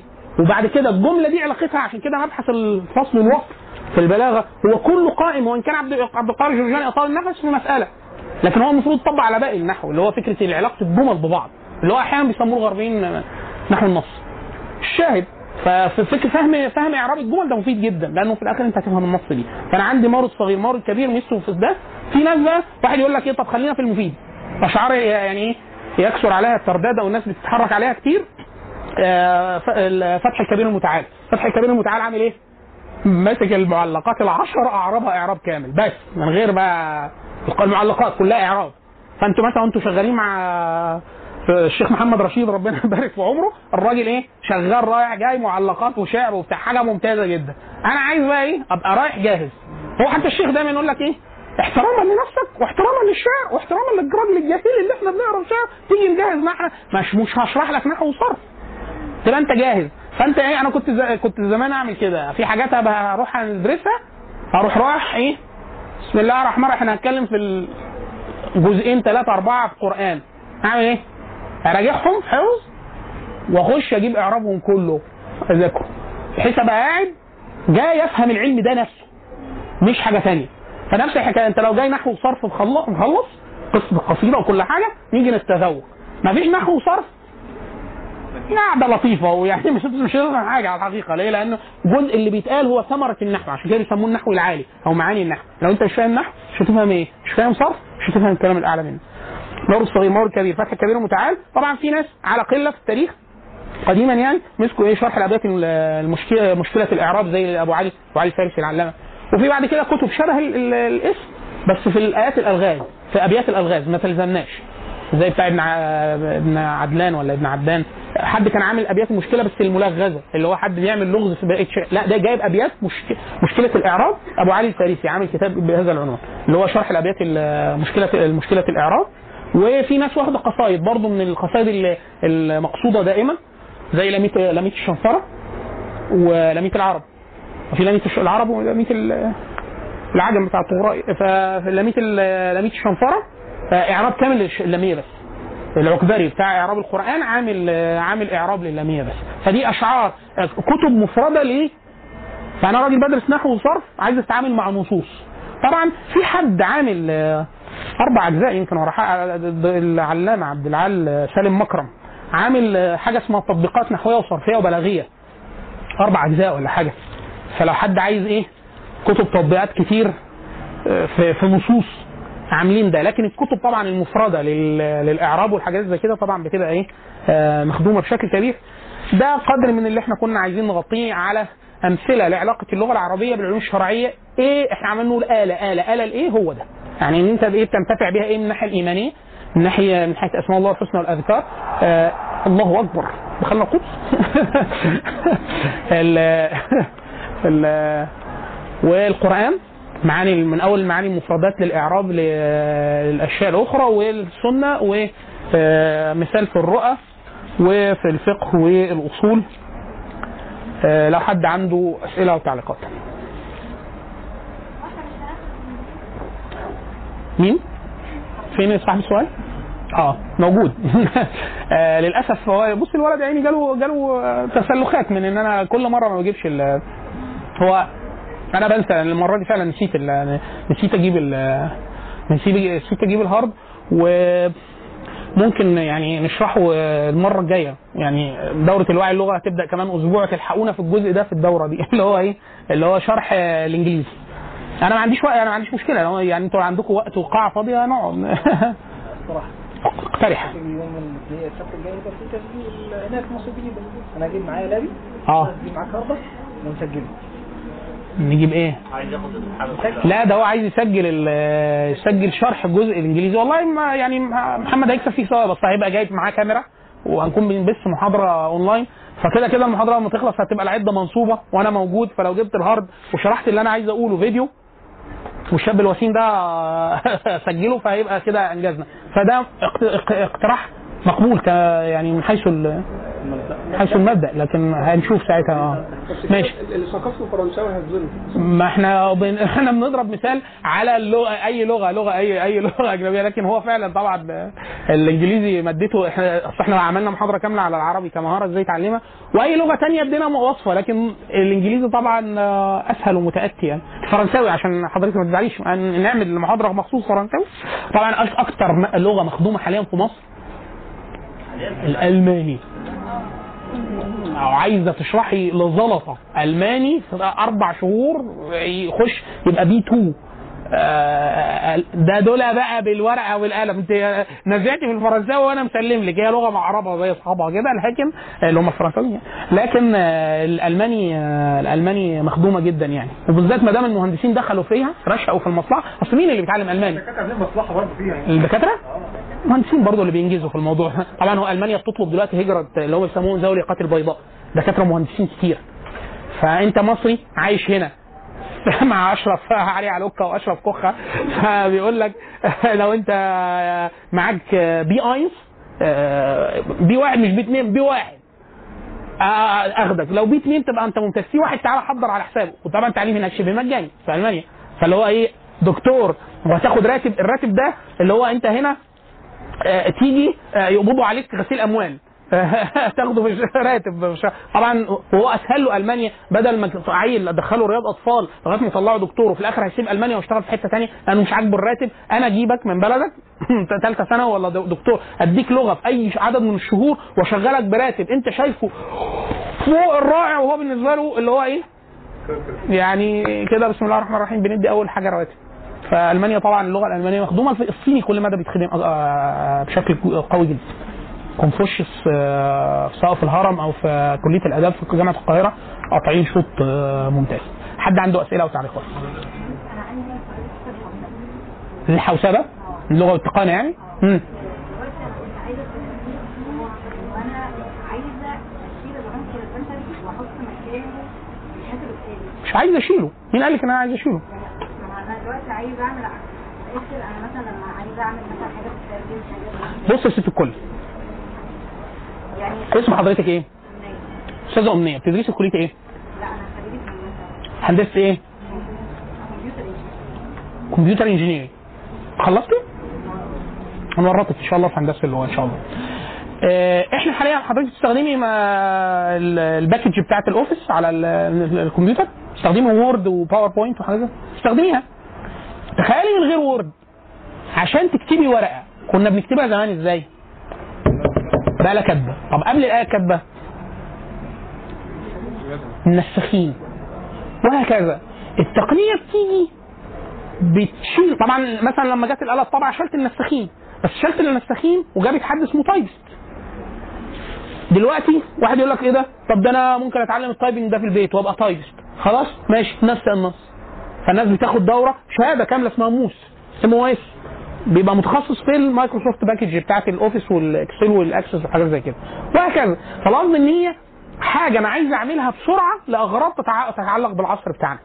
بس. فأنا دلوقتي مثلا مثلا الإحصاء اللي أنا عمال أقول لك إيه 100 جذر أكثر شيوعا في أنا جايبه الكلام ده جايبه منين؟ هو أنا عديته؟ ما عديتوش. في موقع اسمه قرآن corpus قرآن corpus بتاع اريك إيتول اللي هم المجموعة بتاعت ليدز بتوع بريطانيا عاملين القرآن مدخلينه في corpus فأنت لو قلت له هات لي كل الجمل الإسمية اللي في القرآن هجيبها لك. هات لي كل الجمل الإسمية اللي بادئة مش عارف بمبتدأ حالته إيه هجيبه لك. وهكذا. فأنا حاليا عايز أسرع تعاملي مع المعرفة البشرية. مش عايز أستبدل العنصر البشري. عايز اسرعها يعني لك أن تتخيل. لك أن تتخيل. ما هو الحاصل إن هم بيفقدوا فعلا. شئت أم أبيت هم يفقدوا لو أنت ما عملتيش التقانة دي هيفقدوها ما فيش تقانة. يعني إحنا حاليا دلوقتي صحتنا أنا زي ما وإحنا سنة 2004 الناس دلوقتي ممكن تعرف تكتب تكتب على الوش بس أنا متخيله يعني بعد عشر سنين في جيل لما تديله ورقة وقلم مش هيعرف يكتب لأنه ما بيستخدمش غير حاجة تقنية. واحد يقول لك وده ينفع؟ وده ينفع هو هينفع ساعتها هينفع. آه جربتها؟ زي ما بيقول الشيخ أنا جربتها ونفع. هو هيحصل كده. أنا حاليا أنا قلت لكم في أول الدورة إيه؟ يا اخوانا أي حاجة بكتبها على السبورة ما تاخدوش يعني ما تاخدوش بالكم قوي من اللي بكتبه. ليه؟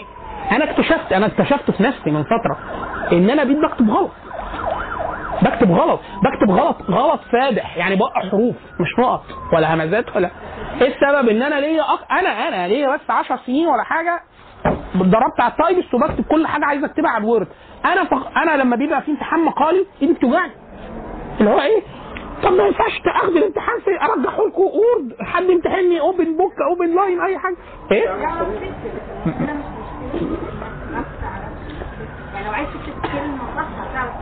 بس هياخد مني تركيز وقت. يعني قصدي آه يعني لو ركزت أكيد هعرف أكتب يعني. لكن حتى الورقية الحمد لله. حتى الكتابة على يعني الناس ما بقتش فعلا هو اوريدي دلوقتي فعلا الناس ما بقتش تعرف تكتب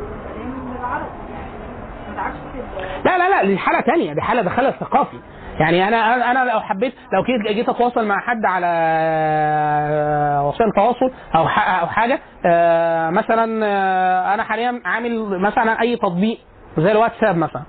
كنت ما ب- بتاع بتاع ما بردش عليه قوي لغاية ما نزلته على الديسكتوب. فبقيت بكتب. بكتب لأن أنا كنت بسبب إن أنا التواصل إن أنا ملول. لو واحد كتب لي رسالة عايز أقول له آه أيوه هي كده. بس عايز أرد عليه أنا أكتب؟ أقعد أكتب كده ب... لا أنا عايز أكتب بسرعة. فلما. هو هو والتليجرام لقيت طريقة بيتكتب بيها يعني هم عاملين له desktop application. فبكتب ب- بإيديا ال- بإيديا الاثنين فلما بكتب بكتب كلام مظبوط ولا عايز أشكله أشكله واحط علامات ترقيم مظبوطة مظبوطة. لكن الفكرة اللي أنت بتتكلمي عليه ده ده تشوه ثقافي إن هو ما بيعرفش يكتب عربي أصلا أو بيكتب Franco عشان ما ولو كتب عربي هتبقى فضيحة. لا لا لا. لا لا لا. يعني أنا كل مدى التقنية كل ما التقنية زادت معايا آه، كل ما تحسن أدائي مع التقنية. يعني أنا أول حاجة اتعلمتها آه، في التايبنج إن أنا أكتب التشكيل. أنا بكتب بسرعة بسرعة كويسة جدا تشكيل.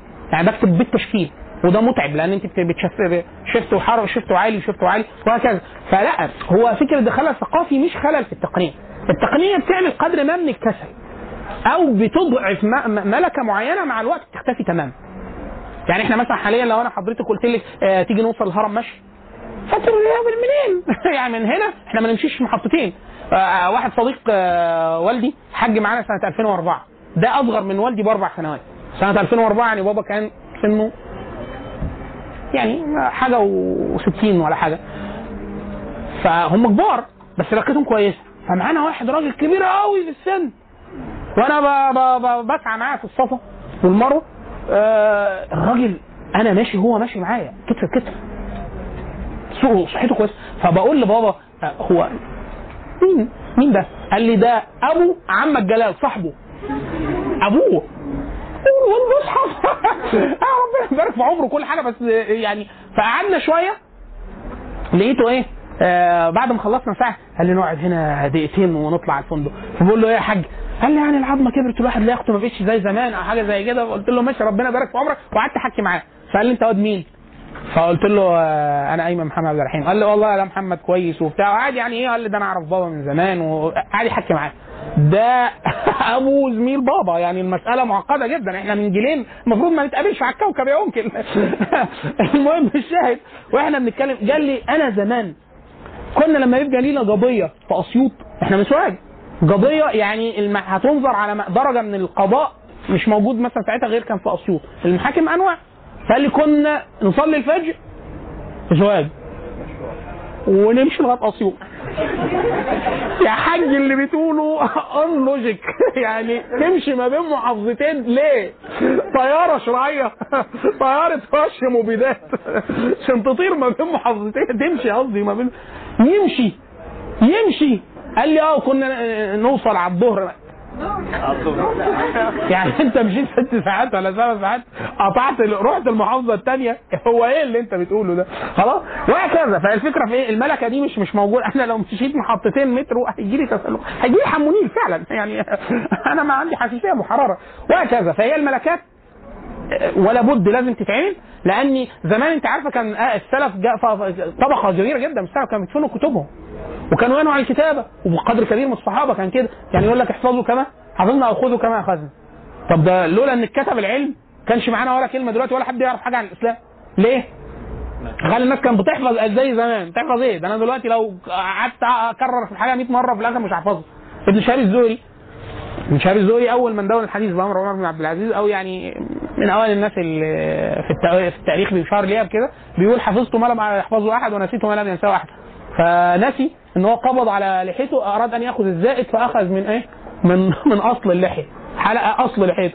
وحفظت ما لم يحفظه أحد كان بيتكلم حد بينظره في الحديث أو في الفقه وابن شهاب كان ليه مذهب في القديم. فقال له قال له أنت حافظ القرآن؟ لما تحفظ القرآن تعالى كلمني. ما كانش خاتم. فهو إيه؟ يعني كلمة كبيرة قوي تتقال لحد في مقام ابن شهاب. فقال فإيه؟ فقعد ثلاث أيام ثلاث أيام قتل على نفسه أتم الحفظ ورجع له قال له أنا حافظ. دلوقتي تعالى نكمل اللي إحنا كنا بنقول. لا اذكى مع اللي هو تعريف الذكاء. تعريف الذكاء ده حاجة معينة. يعني مثلا الرياضة اللي أنت درستها آه، في ابتدائي اللي اللي في ابتدائي دلوقتي بيدرس الحساب الأساسي. ده اللي لو رجعنا 50 سنة كان بيدرسه طالب أولى كلية. ليه؟ لأنه اللي هو ال basic science basics نفسها تضخمت جدا. فبقت الحاجة اللي لو حد شاف مناهج ابتدائي دلوقتي اللي هو أختي اخت صغيره دايما تحب تهزر معايا خريجة آداب وجغرافيا وأنا دايما أقول لها أنت يعني إيه؟ ده إحنا أنت عارفين المهندسين بيحطوا على الحاجات الإنسانية من باب النعره الجاهليه وكده. فبقول لها يعني فقالت لي قالت لي لا والله أصل أحيانا تيجي تشرح لابنها فلا سيبيه هتقولي له كلام غلط. اشرح له أنا يا, أبوه يا يا بلاش أنت. لي لا بس والله حاسة يا إما أنا بقيت غبية يا إما المناهج بقت صعبة. فمرة وريتني المنهج قلت لها لا لا أنت مش غبية ولا حاجة. أنا كان يحلو لي إن أنا أقول لك كده بس أنت مش غبية ولا حاجة. لا هو المنهج بقت لا هو دي حاجة ادفانس فعلا. يعني ده ما كانش من 20 سنة كده. إحنا ما كانش من 20 سنة كده. ولا 30 سنة كده منهج ثالثه ابتدائي كده ولا رابعة ابتدائي كده. وهكذا. فلا هو بيحصل قدر ما من الذكاء في أمور وبيحصل خلل من الناحية الشرعية في أمور. القدره البدنيه جدك كان أقوى منك ميري ملكه في كل شيء. في كل شيء. وهكذا. في حاجات طبعا بتزيد وحاجات آه، بتقل. لكن التقانة التقانة أحيانا بتبقى واجب. واجب. واجب زي إيه؟ زي الحاجات اللي أنا بقول لك عليها. أنا بديكي مثال. آه، درست صرف قبل كده؟ صرف. صرف الأبواب الستة بتاع اللي هو إيه؟ فعل يفعل فعل يفعل فعل. ال- ال- المضارع ويجي منه آه، الماضي يجي منه المضارع ضبطه بيبقى شكله إيه؟ الأبواب. ده أبواب معروف.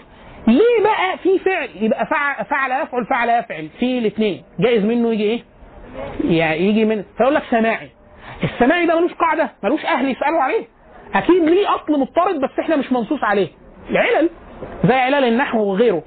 فده بيسموه العلل الصرفيه أو قاعدة التوجيه الصرفي. هي قاعدة صوتية في الغالب. مرتبطه مرتبطة بالخفة وكثرة الاستعمال وبعض القضايا الأخرى. في حد عمل دراسة حوسبية جايب كل الأفعال الثلاثي الصحيح؟ كل أفعال الثلاثي الصحيح أقدر أقول لك بقى كل وأنا مرتاح ليه؟ هو بيعمل ضبط إحصائي كامل كل التقليبات اللي موجودة وكل اللي موجود في المعجم وبيجيبه. خلاص؟ وبيقول لك أدي الضبط. وبعد كده بيجيب لك إيه؟ بيدخل في ال database التوزيع. فعل يفعل فعل يفعل فعل يفعل. ولا ليها وجهين ومين افصح وكذا. وبعد كده بيدخل في ال database وصف لكل حرف مخرجه وصفاته. كلها. كله. كل صفاته. خلاص؟ وبعد كده دخله من الكمبيوتر وبعد كده يقول له إيه؟ هات لي علة مجيء كذا بالضبط ده ومخالف للقياس. فأول ما بيطلع يقول له أصل كل صوتين فيهم الصفة الفلانية ما هو خلاص واضح في المقارنات والإحصائية ده يجي احصاء بس لازم استقراء. خلاص؟ مين يعمل ده؟ عارفة لو أنا وانت عملناهم بالورق يعني يطلع إيه ده؟ يطلع مجهود كبير جدا. زمان كانوا بيعملوا. ده نعمه من ربنا عشان طبعا طبعا طبعا لأنه التعامل مع المعرفة لازم يكون بتص... بت... بنفس معدل إنتاج المعرفة. فإحنا في حاجات مش هنعرف ننتفع بالتراث لو ما عندناش آلة تعملها. حاليا يعني أنا مثلا في القراءات مرة سألت حد من المشايخ الشيخ عمر علي عمر علي كامل هو شاب بس هو شاب بس شيخ يعني شيخ شيخ متقن جدا قراءات الصغرى والكبرى يعني حد تقيل جدا. من أوائل الناس يكاد يكون ما أعرفش حد بشبهه إتقانه للأداء وإتقانه للعلم. العلم العلم نفسه الكتب. في ناس أدائها رائع. تسأله دي ليه فين ولا فين مطولاتها ولا فين الخلاف ولا يعرف أي حاجة. هو من أصحاب الأداء يعني معاه القرآن بالقراءات كلها. السبعه ولا السبعة 10 صغرى 10 كبرى يعني. و وأكتر من كده طبعا في متون فوق الشاطبية والدره والطيبة بس إيه للمتخصصين. وفي نفس فقلت له لو إحنا عايزين نعمل كذا كذا أنا يعني أعرف عندي فكرة بسيطة عن القراءات. فقلت له يعني لو المسألة دي عايزين نعمل كذا نقارن بين فرش الحروف بكذا وأصول كذا. قال لي آه لا دي حاجة تقيلة جدا إحنا عايزين نحقق كذا وكتاب نعمل كذا وبتاع. قلت له طيب لو قلت لك إن في المكنة تقدر تعمل 1 2 3 4 أنا في واقف على أرضية معايا أنا درست أصوات ودرست تجويد بقدر ما أعرف أكلمه وإلا هو الراجل متقن جدا جانب التجويد بشكل يعني آه، في مستوى مش هينفع أفهم عنه قوي إلا ما اشرح لي الأول. يعني قول لي هو بيقول إيه الأول عشان أنا استوعب هو اللي بيقولوا إيه. قلت له لو قلنا خلينا المكنة دخلنا لها كذا في ال database. وتعمله بالطريقة الفلانيه شرحت له بقى هتعمل إيه المكنة. قال لي مش ممكن قال لي ده ده الحاجة اللي إحنا كنا هنعملها في 10 سنين دي هتعملها في ثلاث شهور أربع شهور. بس إحنا مثلا إحنا عندنا مثلا في القراءات يقول لك ده أصول وف- وفرش. الأصول في الغابة مط... في ال- في ال- في الغالب في الغالب مضطرده وممكن تنخرط. والفرش في الغالب ملوش قاعدة وإن كان ممكن يضطرب. يعني زي الزحاف والعلل في العروض وكده.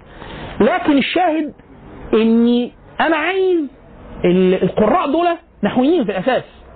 يعني ال- الكسائي وابو عمرو وبتاع دول علماء عربية وليهم مذهب.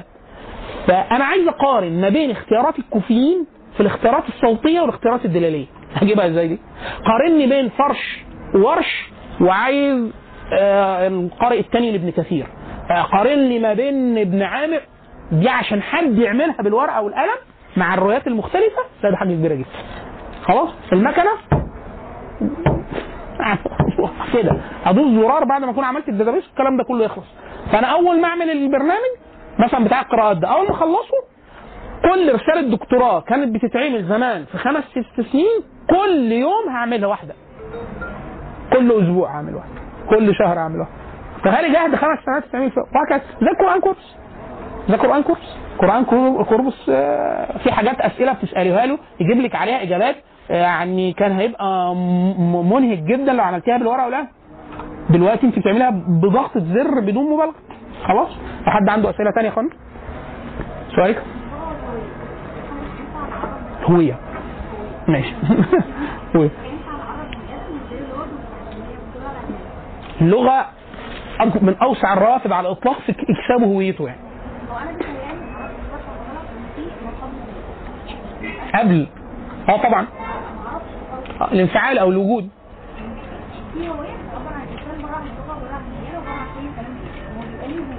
من غير الدين ومن غير ده اللي هو إيه؟ في ممكن اللي ممكن تتكلمي عن نمط الشخصيه ممكن النمط السلوك بالأنماط؟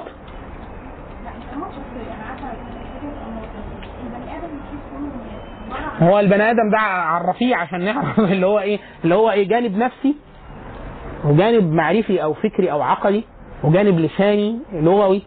آه، هو ده اللي أنا أقدر أحلله ليه. فاللي أنت بتقوليه لو أنا هحيد اللغة وهحيد الديانة هيطلع لي حاجة آه متجردة عن ده وده النمط نمط الشخص.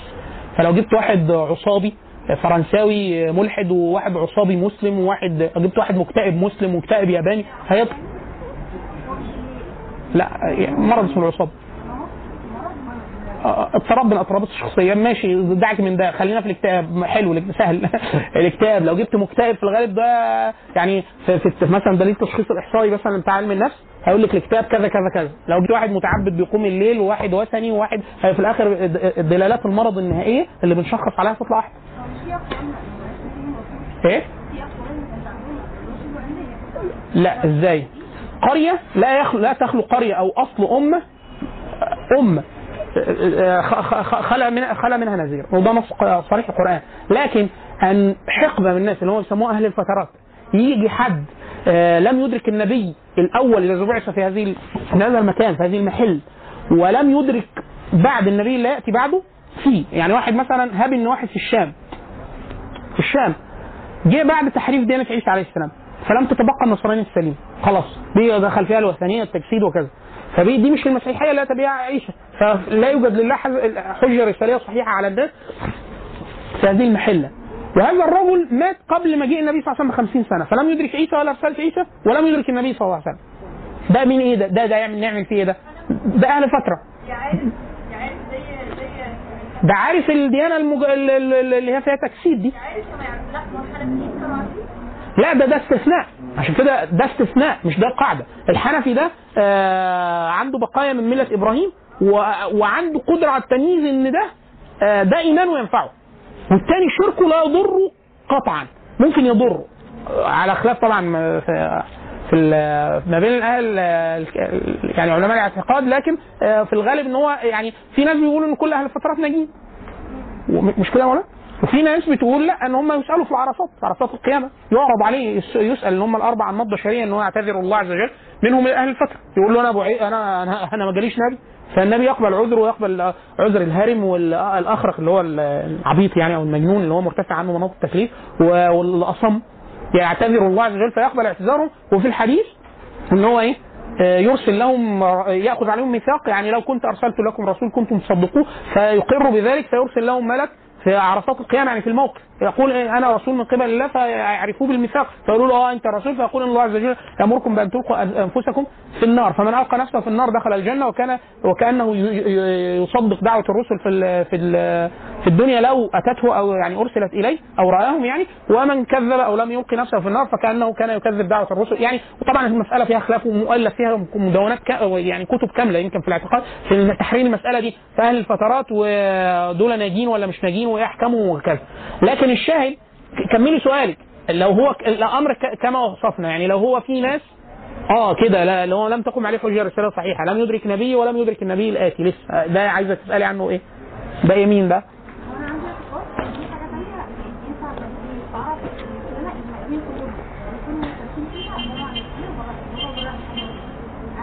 اللي هي فين دي؟ ما هو يعني يعني ده انت انت انت حاسة كده إنه ممكن ينفع كده. ما بص بص الكل على حسب إحنا اعتقادنا في الدنيا دي إيه. لو إحنا اعتقادنا كمسلمين إن هو لم يكن إلا آدم ثم أتى الناس آدم فادم ده ربنا خلقه موحد عابد شاكر حامد يعني يعلم ربه ويعبده حق عبادته وكذا. ثم طرأ الشرك على ذرية آدم. فما من خير موجود في جميع البشر على اختلاف آه، إثنياتهم واعتقاداتهم وأماكنهم إلا وفيهم قدر من الخير الذي جاء اللي كان مع آدم. يعني يقول لك إيه؟ يعني أنا أعرف ناس وثنيين بيعبدوا دببه في الأسكيمو وعندهم مش عارف تحريم كذا وحسن خلق مش عارف إيه. يقول لك هذا مما تبقت من الرسالات. لا لا. الفطرة جزء الفطرة جزء لكن الفطرة يرد عليها تشوه. لكن الفكرة اللي هو الخير الذي كان مبثوث في الديانات. بعد يقول لك لا ما جالهمش نبي. ما جالهمش نبي. خالص.